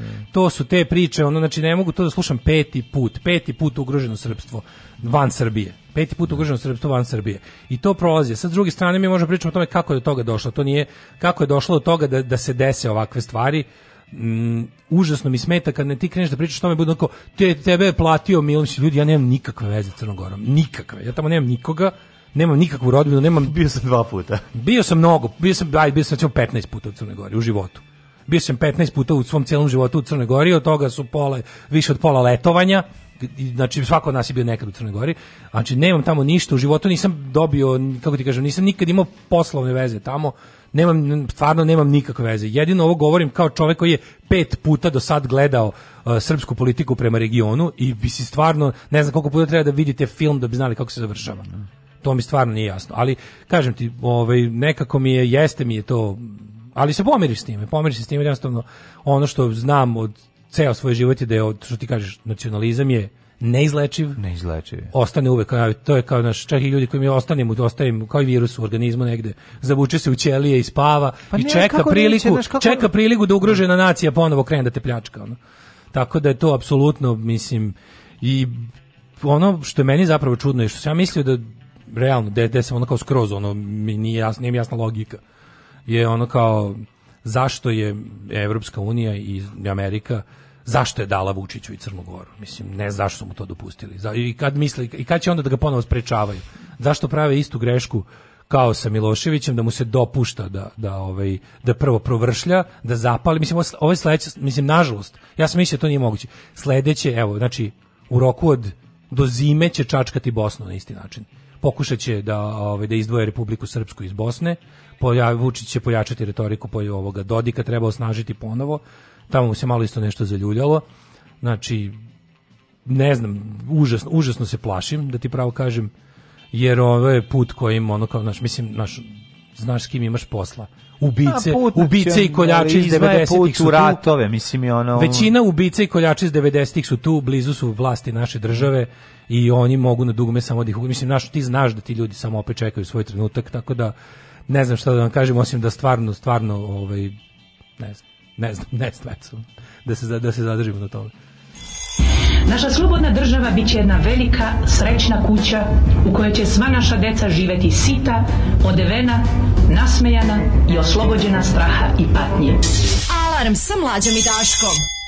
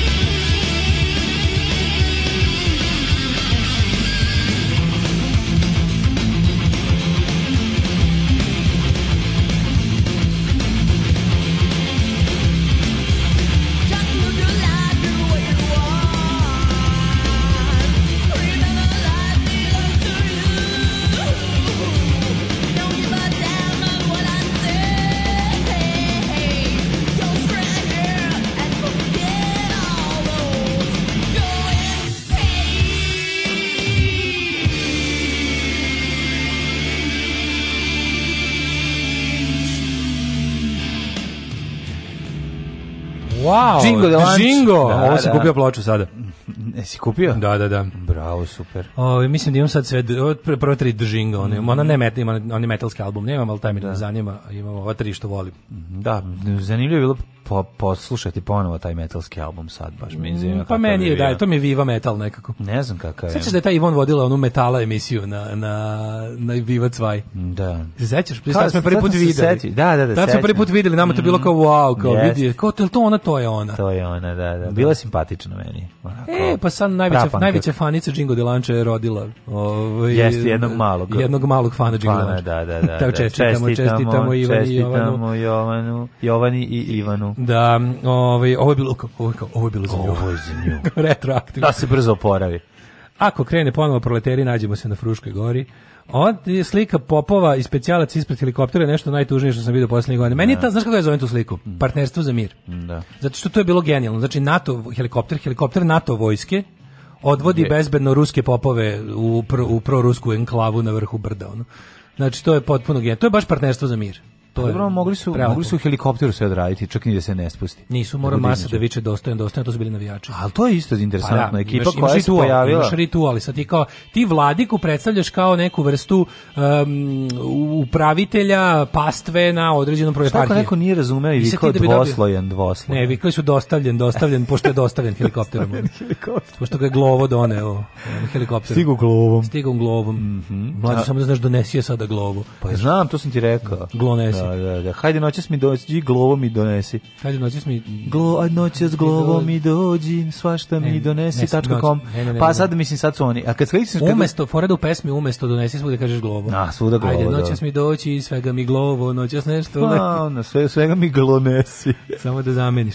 Da, što ta slika partnerstva moraš metriku stiha ispratiti. Oni su morali da ovaj imaju kao taj taj ritual pošto su oni mislim crkva ti je da.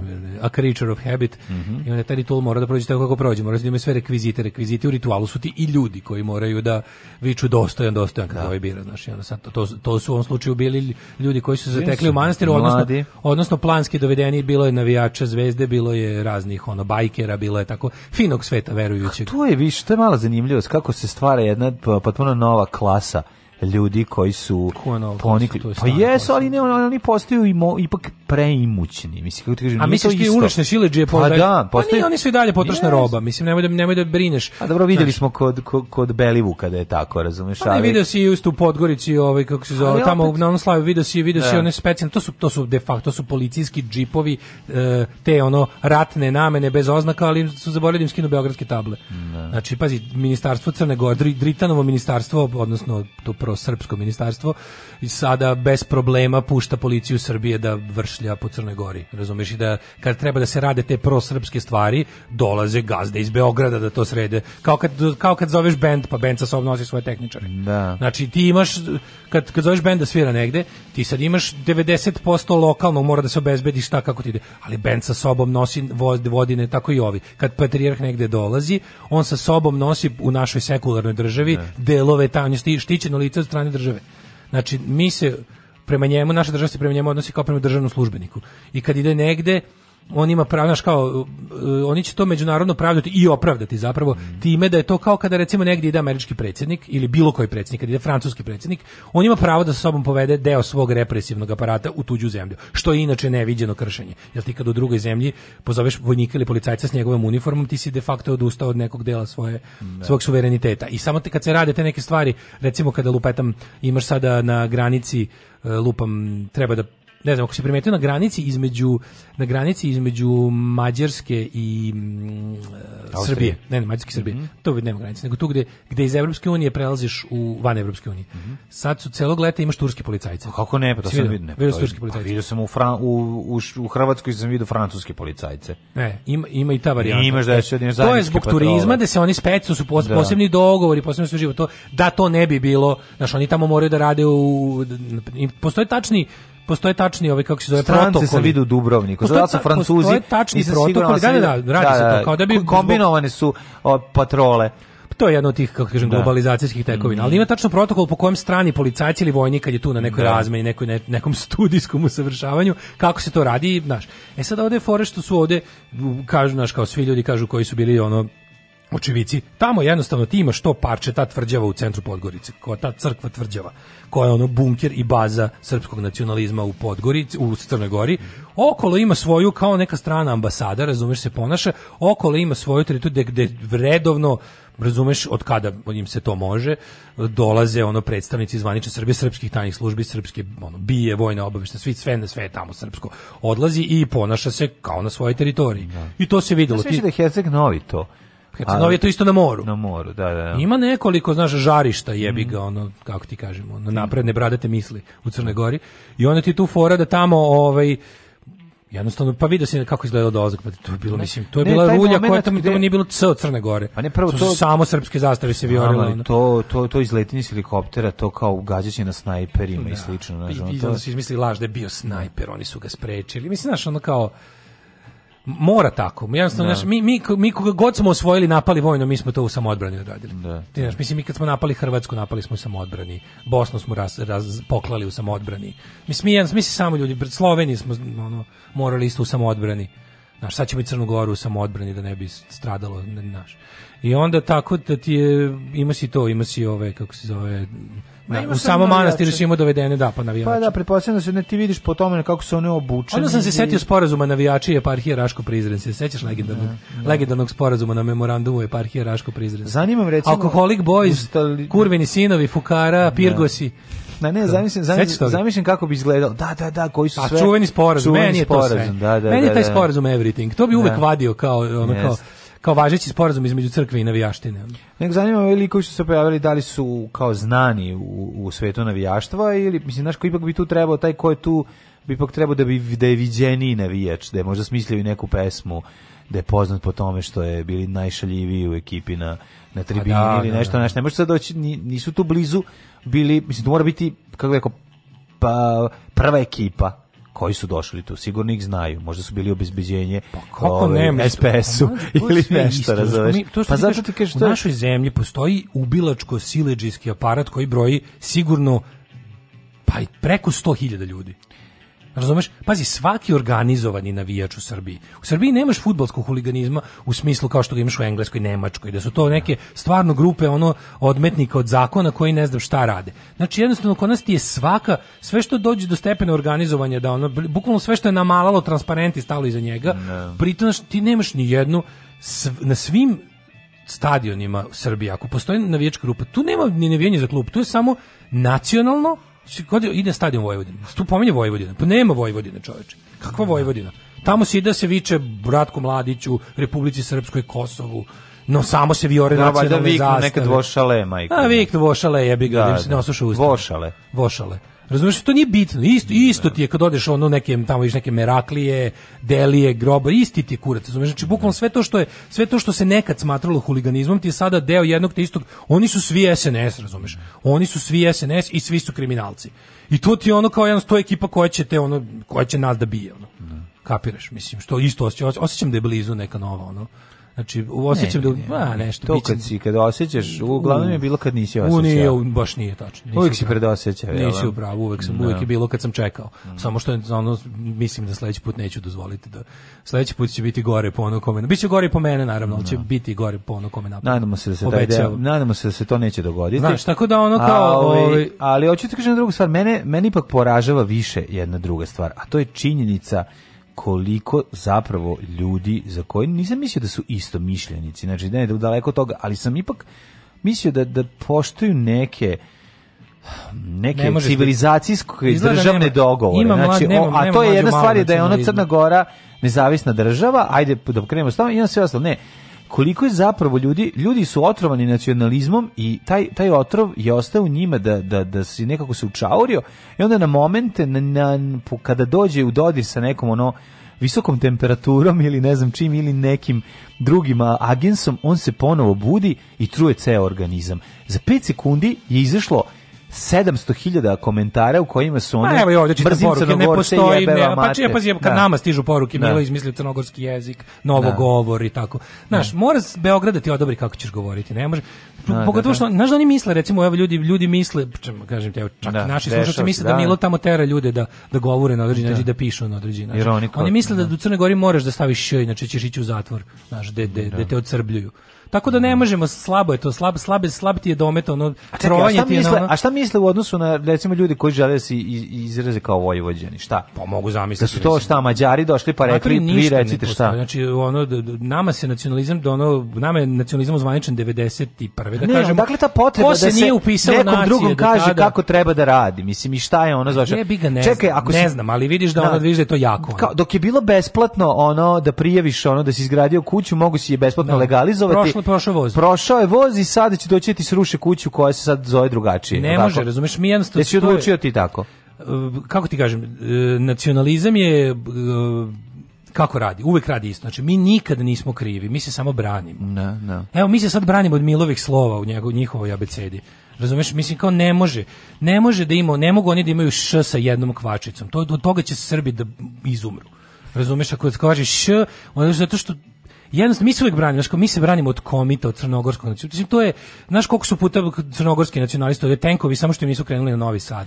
Vučić ih je sprečio u zadnjem momentu. Isto tako sve je uvek tako. Direkt, uvek direktori samo, crnogorski su isterali svoj vozni park ali i napali ono što je su. po meni najodvratnije što je onako najopasnije od, od Vučićeve retorici u poslednje vrijeme je to sino, ono juče na na ovome gde to bilo u jutarnjem programu kao poručuje Milo Đukanović, ima kao dosta, kaže, nećete više vladati Srbijom. To je prava da, ona, da, to je da. po meni onaj govor koji zvuči kao pravi nacistički govor. Znači, zna se koji senke vlada. Da. To je počeo Zlatibor Lončar sa onom mm -hmm. pričom znaš crnogorci ovde zauzeli su da, sve položaje, da, da, drže da. sve, na mi Srbi ne možemo da se izrazimo od njih, oni se drže zajedno, upropaštavaju nas ovde. Da. Pa što je naj, pazi što je najružnije, ako, ako, ti svi crnogorci na položajima u Srbiji uglavnom nisu što ono što oni što se ovdje naziva milogorci. Milogorci, ba, da, nego da. su to kao ono što se naziva srbogorci. Mm. Što mislim sramotno što postoje uopšte takve takva dva ovaj termina.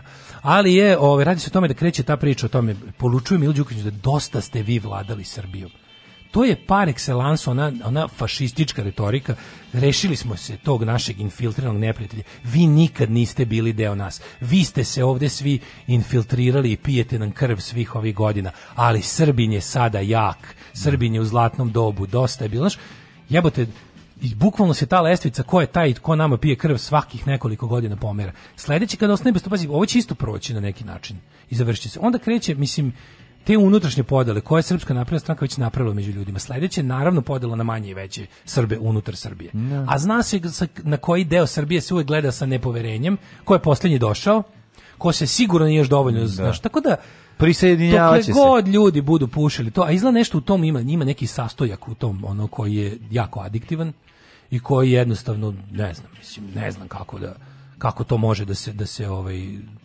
da naučiš organizam da ga prepozna i odbaci, nemam pojma. Taj koji je to sastojak nacionalizma toliko opojan da se da pa, se... Ja mislim da ne znam, možda dugo sam mislio da je putovanje. Vučić nas je ono, sprečio. Mislio sam da je putovanje ono što sprečava što kleči od nacionalizma. Ne, ne. Možda u nekom razvojnom periodu da. Pa znaš, možda kao, naš kao, možda kao, kao ona vakcina koja mora da se primi do određenog perioda, jer ako posle toga, posle druge godine ne dobiješ, dobiješ ja, onda, više nema, pa kažem ti. Vučić poručio Đukanoviću, nećete više vladati Srbijom. I onda, ovaj, sad ti ma da u da je sve to samo malo upojačalo Snaga crkve i naroda. Milo Đukanović i njegovi pioni pokušali puč, ali nisu uspeli. Vladate Srbijom 30 godina, nećete više, poručio Milo Đukanoviću. Um, nema nikakve aspiracije Srbija prema toj zemlji, pa naravno mi sve što vidimo ne. Da. su ono kao, ja se sećam kako su pokušali da ovaj, u Lovćencu dovedu mitropolita Crnogorske pravoslavne crkve da, da ga ovaj ustaliče, mislim on će da ubedi ljude da nama ovde sve vreme Crnogorska Neman pritiskala, nije nam dala da se da raširimo naša velika srpska krila ne. napredna, da su nas gušili ovde 30 godina Milo Đukanović, crnogor, et, etnički crnogorci, mislim nacionalni crnogorci, mm. su nas ovde, ovaj kako se zove sprečavali, ali međutim sad kad smo im sad kad smo im tamo kod njih, pa znam, sad kad smo ih u bazi okay, njihovi sjebali, da. neće im više pasti na pamet da. Okej, znači sad kad se izliči toga i kad, kad se ovaj kad se reši problem Vojvodine i prisajedini se konačno, a, mislim to prisjedinjenje nema kraja kao nema, i, to je, kram ne, to To se da večno da, pravi. proces ali, sam sebi ali me zanima kao šta, uh, ko su sled, mislim kad ne možeš večno, ćeš večno parčati i izmišljati neke druge. Znaš kao dok da, da, gde ide ipak mora negde tu biti kraj. Kad rekao kad se popičkaš sa celinkom šilukom, negde to mora da se završi. Ne možeš, mislim, ili ćeš večno biti onaj što buši loptu kad uleti u tvoje dvorište i ono vrištati na, na bilo koga koji te ono kao ne, meni se meni jasno kako ljudi ne vide vezu između takvog razmišljanja i opšte bede. Kako ne vidiš čoveče pa vezu između toga da tako, jednostavno prijatelju nemaš voz zato što čačkaš Crnogoru. Znam da, znam da će da misliš da to nema veze ali kao jednostavno nemaš prugu iz Novog Sada ni u jednom pravcu zato što čačkaš, zato što se baviš e, cetinjem. Ne možeš, nema jednostavno. Mi smo toliko jadni, zaostali i propali da bi trebali bukvalno da ne dižemo nos od sam od svog pod sebe. Ne. I od svog dvorišta, ali ne, ne možemo jebati. Mislim kako ja ne znam kako mi smo odlučili da je važnije da patrijarh srpski se popne helikopterom na Cetinje nego da nam jedan veći grad ima vodu. Tako da onaj ko pravi taj izbor, taj ne... se vidi se vidi u propoštavanju murala Dositej Obradoviću. Vidio sam, da, da, da. Pa mislim mi smo u sukobu da. sa najpametnijim. Mi smo u sukobu sa najpametnijim Srbinom svih vremena. Pa da.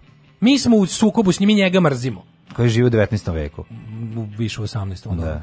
Ove, kako se zove, mislim, znaš, kao to je čovjek koji nas je bukvalno svoje, sobstvenim snagama svojeručno iščupo za, ono, za, za, za, za kosu iz blata. Ono. Da i omogućio kasnije da se pojavi Vuk. Mislim, mi smo i protiv Vuka Karadžića u, jednoj, u jednoj meri.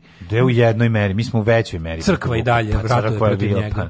Ali zato što ti kažem, to jeste, pri, pa, mislim, mi pokušavamo da vratimo stvari no, u period pre uh, francuske revolucije i da ono se jednostavno da shvatimo da ne postoji voda za svakog i da ne postoji ljudska prava nisu za svakog. Znači ne postoji jednako za svakog ne, i to. Ne, njihova to. borba protiv tekovina francuske pa, revolucije ha, se je. nastavlja, a Dosite Obradović ti je francuska revolucija kod nas. Upravo to. To je one man French e, revolution ne, u Srbiji je. bio i to je jednostavno ono kako ti kažem, e, njihov arhi neprijatelj. Mm. I sad se to sve vidi, oni se sve više ogoljavaju. Ono što mene plaši je što srpska napredna stranka se sve više ponaša Ali kao srpska da radikalna stranka. Pa to je kombinacija to antinauke. znači to, to nije to, to je sve antinaučno. To, to nije samo... Pa u, mislim, nacionalizam je antinaučan. Jeste, jeste, ali ali da ti kažem Gotovo da, da ga to... možeš da prirodnim naukama dokazati da, da đubre. No, on udara svuda, znači ti onda kad pogledaš, ti imaš istovremeno u jednoj mi živimo u državi u kojoj istovremeno imaš čoveka koji e, šalje Ano Brnabić da kaže ljudi vakcinišete se, a onda istovremeno posle pola sata pusti 3 sata Nestorovića koji govori zašto su vakcine o, o, nisu šala i da je to vrlo opasno. I onda ti, znaš kao imaš to sve ide zajedno. Pa zato ti kažem, juče bio to, kako bi dobar neki stalno to rade, znaš. Bio to, dobar neki lik, ovaj mislim zapamtio sam mu ime, mi, Igor Igor Avžner je bio juče u pregledu dana rekao je rekao ovaj kad bi Aleksandar Vučić te svoje super moći koje nam prikazuje da, da je samo to primenio da ubedi ljude da da, da, da je pa s tim da. žarom želeo pa da. da vakciniše naciju mi bi sad stvarno bili kod Danska. Pa to ti kažeš, ali, stvarno bi bili. ali nije Ali da su oni aparat, naš, kao kad ti kažeš, naš, kako kad imaš, nešto imaš već zatečeno. Tipa, mi imamo državu koju potpuno partijski... Ali luka. zašto nije vakcinisao sve? Zašto nije ubedio sve ljude Sve? Eto, zato što ne želi, zato što ne želi. Njemu ne treba zdrav i prav narod. Treba mu ono poplašen, treba treba da. mu narod poplašen, A, ja. Da. koji mrzi, kojeg mrze, i treba jednostavno da bude ta situacija u tom i to je njegova voda u kojoj pliva on je riba iz te vode, ne. on je da. riba iz, mu, iz mutne, on je bottom feeder, ne. Da. razumeš, on nije ono, on nije losos i pastrmka, on je jebi ga onaj sompu po dnu Sve e, rivijere v Narago, što, da. što suvereno vlada dnom i dokle god je dno tu, on, on suvereno vlada njime. I kažem ti, samo je meni, meni jasno kako ljudi ne uviđaju to da, ono kao, vo, kada otvoriš u vodu Slavinu Zrenjaninu, voda je takva kakva je zato što smo se bavili cetinjem samo napred Beograđani. Nadam se da će da upadnu u RTS, da uzmu kasete sa srećnim ljudima i da ostalo sve poruše. Alarm! Alarm! Svakog radnog jutra od 7 do 10 sa mlađom i Daškom.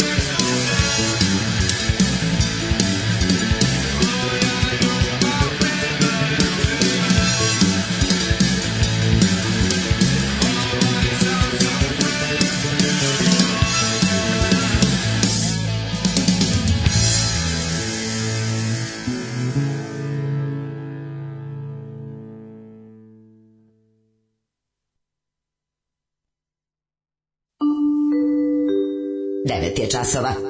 Radio Daško i Mlađa. Prvi program. Evo nas u 9.24 u trećem satu. U trećem satu, hej čitamo poruke. Zamenjuješ teze da su pustili da to prođe koji do sada ništa se ne bi desilo, govno jednog govna drugi. Kako koji do sada? U vreme kad se to prošli put desilo, to je bilo 1990. Poslednje ruko polaganje mitropolita je bilo pre 30 godina. Tada je e, tada je Milo Đukanović je bio na strani Slobodana Miloševića i tada je jednostavno klima druč, druč, dručvena bila, bila da, takva. Da. Kažete, i sam mitropolit Amfilohije je bio na početku svog stolovanja na Cetinju, kasnije se e, lagano preselio u bazu u Podgorici, gde bi, recimo, ako se sećate dobro, ovaj, svake godine bi na Cetinju bio problem oko nalaganja badnjaka se sećaš da. toga, da je to bila da, prethodna. Da, da, da. To su bile prethodne najveće, kako da kažem, unutar pravoslavne frke u Crnoj Gori, pre ovog sada, pre litija, pre ostalih sranja. Tako da je to bilo glavno. A s druge strane, ovaj, e, da su pustili da to prođe kao i sada, neke stvari koje, su, koje jesu tradicije i koje postoje jako dugo, mogu u jednom trenutku da dobiju novi kontekst. I onda nešto što smo mi nešto što smo smatrali za normalno, uobičajeno, lepo, kako god hoćeš, mhm. odjednom postane nešto drugo. Kada mu se obuče određena uniforma, to postaje mhm. nešto drugo, razumeš? I ja sam, ja ne idem na exit sa istim entuzijazmom kao pre 20 godina. Mhm, sad mi, sad mi bukvalno boli duša što idem tamo, jebik.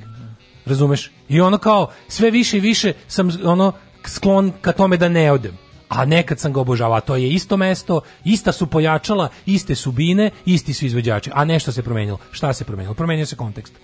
Razumeš? A i ti da, se promenio, mislim, i sve da, zajedno. I svi mi smo da, se da, da promenili. Samo ću kažem da ono kao to što je, znaš, to što je sve jedne godine bio ono običan vašar u slavu kraja žetve, može pod novim režimom da postane nešto drugo. Jer razumeš, kad dođe ekipa i stavi zastavu na to, to je onda prvenstveno uh, festival onog čija je zastava. Tako. A i oni su, oni, znaš, ja isto mislim, pazi, ja, ja sam srećen, što, najsrećniji sam, najlepše od svega, kako mogu da izvučem jednu super stvari, što juče tamo nije bilo ni ozbiljno povređenih, ni, ni poginulih. I to je da. najbolje, jer bi zaista bila tragedija, da koliko god ja bio za jednu ili za drugu stranu i mislio da je jedna strana mnogo više u pravu nego druga, bilo bi mi stvarno tragično da 2021. Da neko pogine oko njihovog Čiribu i rituala, da. koji je stvarno igranje odraslih ljudi glupostima i da se stvarno to desi, to bi bilo, to bi bilo nešto najstrašnije. Drago mi je da se, da se da je tako prošlo. S druge strane, ustupak po ustupak po ustupak ostaće bez svoje države. Ako bude tako nastaviti, ostaće bez svoje države. Jednostavno, to je nekim ljudima tamo jasno. U narednom satu ćemo da o, ovaj, vidimo neke laganije teme, a to je a, da imam kako se brzo razbuditi bez kofeina, dale šampion toga, mislim ne znam koliko se uspješno razbuđuje, ali da je bez čovek, to je činjenica. Pa ću da. ga pitati kad si ti počeo da ne piješ kafu? 1980. 22. septembra. Baš ste nas iznenadili svojim prisustvom danas ovde? Da, mm, veliki, mogla bih reći, jedan od najvećih fanova. Ovo posle smrti mog supruga, ovo je najveća radost za mene. Alarm! Alarm! Svakog radnog jutra od 7 do 10 sa mlađom i Daškom.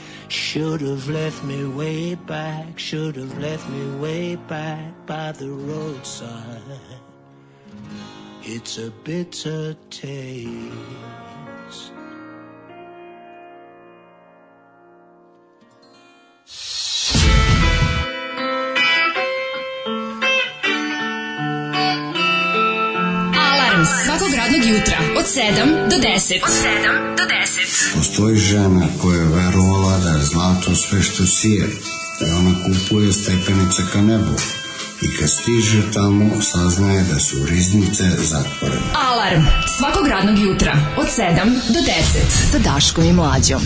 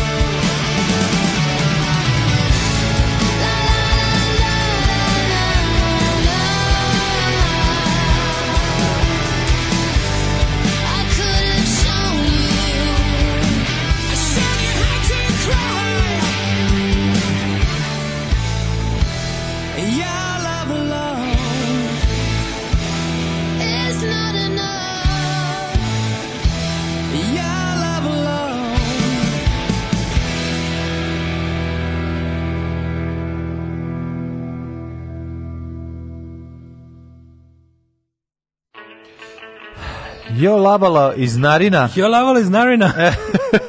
jako mi je dobar engleski u ovoj, u ovoj novoj stvari stereo banane, kad krene da se gađa izrazima. Taj Kaže, da ja i dalje mislim da su većina tih nacionalista zapravo pravilni ljudi. Ustali su u bioskopu da pomogu Bruce Lee, plakali kad se Doroti vratila iz Oza, plakali na turske serije tamo gde treba da se plače. No. Da. Samo ih je neko zaslepio. Ja to isto mislim. Jer kad to ne bi da. mislio, pa da. jer kad to ne bi mislio, onda bi stvarno bih Zato ti kažem, tri, ja godine, da tri godine RTS-a u, u, rukama pravog čoveka da, izmeniće, izmeniće ovaj... Ja recimo ne verujem da se to može izbaciti iz čoveka, ali verujem da se može napraviti društvena A, mislim, klima u kojoj to neće biti opasno. Mo, videli smo kako se Njemac može lako napaliti, kako naravno, može bilo ko. svi mogu da padnu da, da, zato ti kažem, zato Ne, ne, naravno upravo si javljen kao kad ne bi u to verovao. Ja bih mater ono kao moja ideologija humanistička, to znači neodustajanje od ljudi. Tako je. Čak i kad to stvarno ne znam odakle više crpimo ovaj to, to mišljenje, da, ali jebi ga. Pošto imamo jako kratko vreme, kako da se brzo razbudite bez kofeina? Sa nama je stručnjak za ne, za, razbuđivanje da. bez kofeina. E, evo, da li ovaj, se izložite prirodnim dnevnom svetlu pre nego što da ustanete? Sad kažem, tajna da. mogu uspeha da budemo ovako našpanovani, mm -hmm. na, nadignut, da tako mm -hmm. kažem i neko je rekao, ovde u porukama danas kaže, ljudi, neko je rekao kako mu se nadigo, od kad to nisam čuo. Voliš dobro staro na, nadignuće. Nadignuće? Da. Da, da, da, da. Mislim da, da čovjek odraste kad počne da govori digo mi se, a ne nadigo mi se. Nadigo mi se klinački. Mm, da. kad kažeš digo mi se gotovo odrasta si. Pa dakle, ako god ti se nadigne. Ne, ako počneš o to, to primećuješ kao značajnu stvar, onda znači da si ostario. Pa, da, jako, on pa, si on da. jako ostario. Ali stvarno, e, vidi kao postojala jedna, jedan, jedan, ovaj, jedan moment negde oko recimo 8.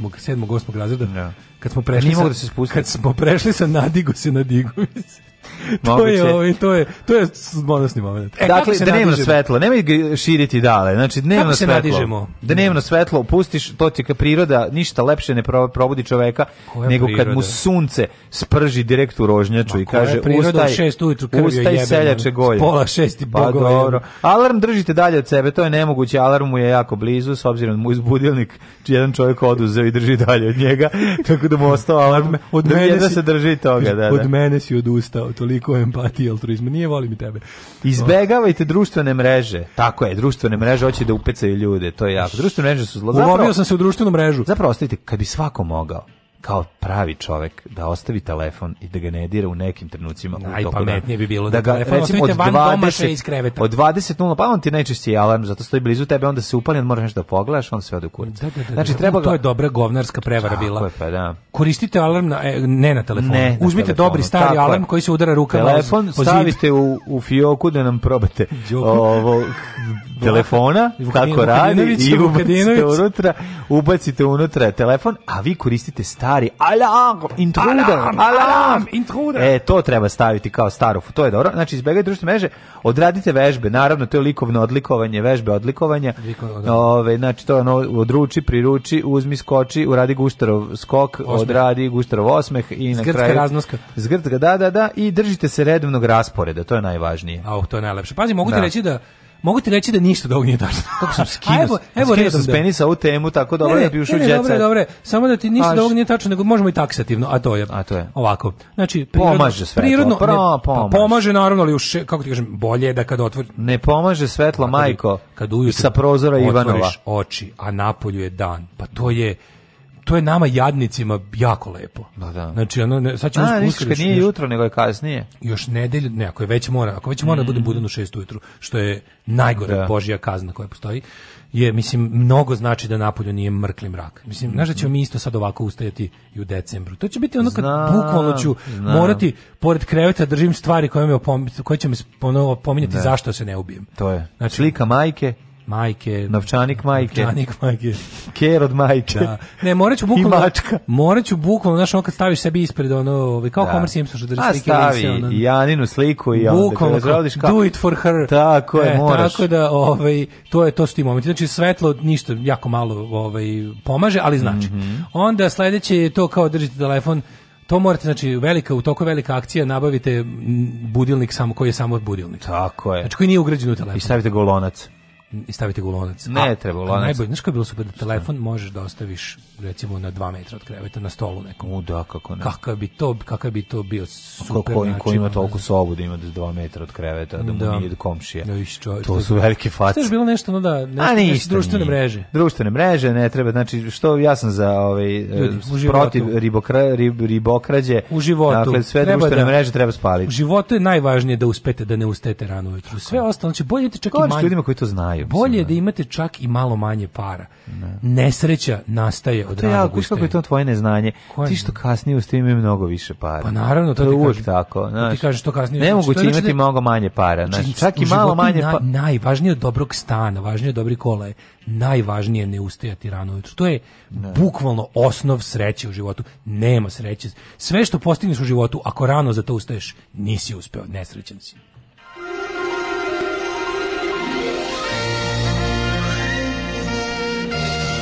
Jet set. Jet set. Jet set. Set. Set. Set. Kaže, ne, ne, ne, ne, ne, kad primetiš da ti se digu i osjetiš potrebu da bilo kome saopštiš, digo mi se, to znači da si mator, jer si verovatno oduševljen tom pa da, kažem dosta ti, redkom ne, pojavom. Kad pa je to... Čovek je jedan krug, mislim, mm -hmm. to je mhm. jedna, neka krug, ajde recimo neka nešto onako kao ponavljamo se. Mislim kad ponovo kreneš kao što se buduševiš kad ti se to kao kad počinje da tako je. Tako, tako ćeš ne. i kad bude prestajao. Upravo Kad to. bude sve ređi ređi. Pa ne, hamiš kad budeš kao i obradovaćeš mu. Pa to kao kao starom prijatelju koji nisi dugo vidio. Đorđe Balašić kad čuješ pevca Pesla, makar je mes, mesečno je da. Znaš kao da, da starom da. drugaru kog nisi ovi. Ovaj- Anđelina Ignatović poznatija kao Breskvica, voli da eksperimentiše sa frizurama i svojim izgledom. Uh mhm. -huh. A sada je ponovo promijenila boju koncept Breskvica da skona imala crvenu boju vatrenu zbog, a to kad se raskinula sa ovim, ovim vojažom, a pa onda se ludo i, i izazovno u crveno ofarbala, a sad je ponovo vratila se u crno, znači sad polako, pa ovaj, pa se sredi pa u manastir. Šalim se nije. Ona je svom Instagram profilu okačila sliku iz frizerskog salona baš kad je došlo do noviteta u njenom imidžu. Ne znam, je nekad dolazilo do uzora ili noviteta u tvom imidžu, da li? Da. Mrzim Breskvicu. kad si rekao Breskvicu, samo sam ja, se isključio. Breskvice? Tipa, u, je to Peach Cobbler? Što, što se zove na engleskom? Pičko. Pičko Blur. Pičko Blair. Pičko Blur. Tony. Pičko Blair, Tony. Znaš Pičko Blair, onaj, onaj kolač. Ja se to, blur. kako se to kod nas prevodi? Pičko Glur. Blur. Blur. Peach Cobbler. Pičko Blur. blur. Pa znam kako znam. I Oasis pičko Oasis, isto drugi.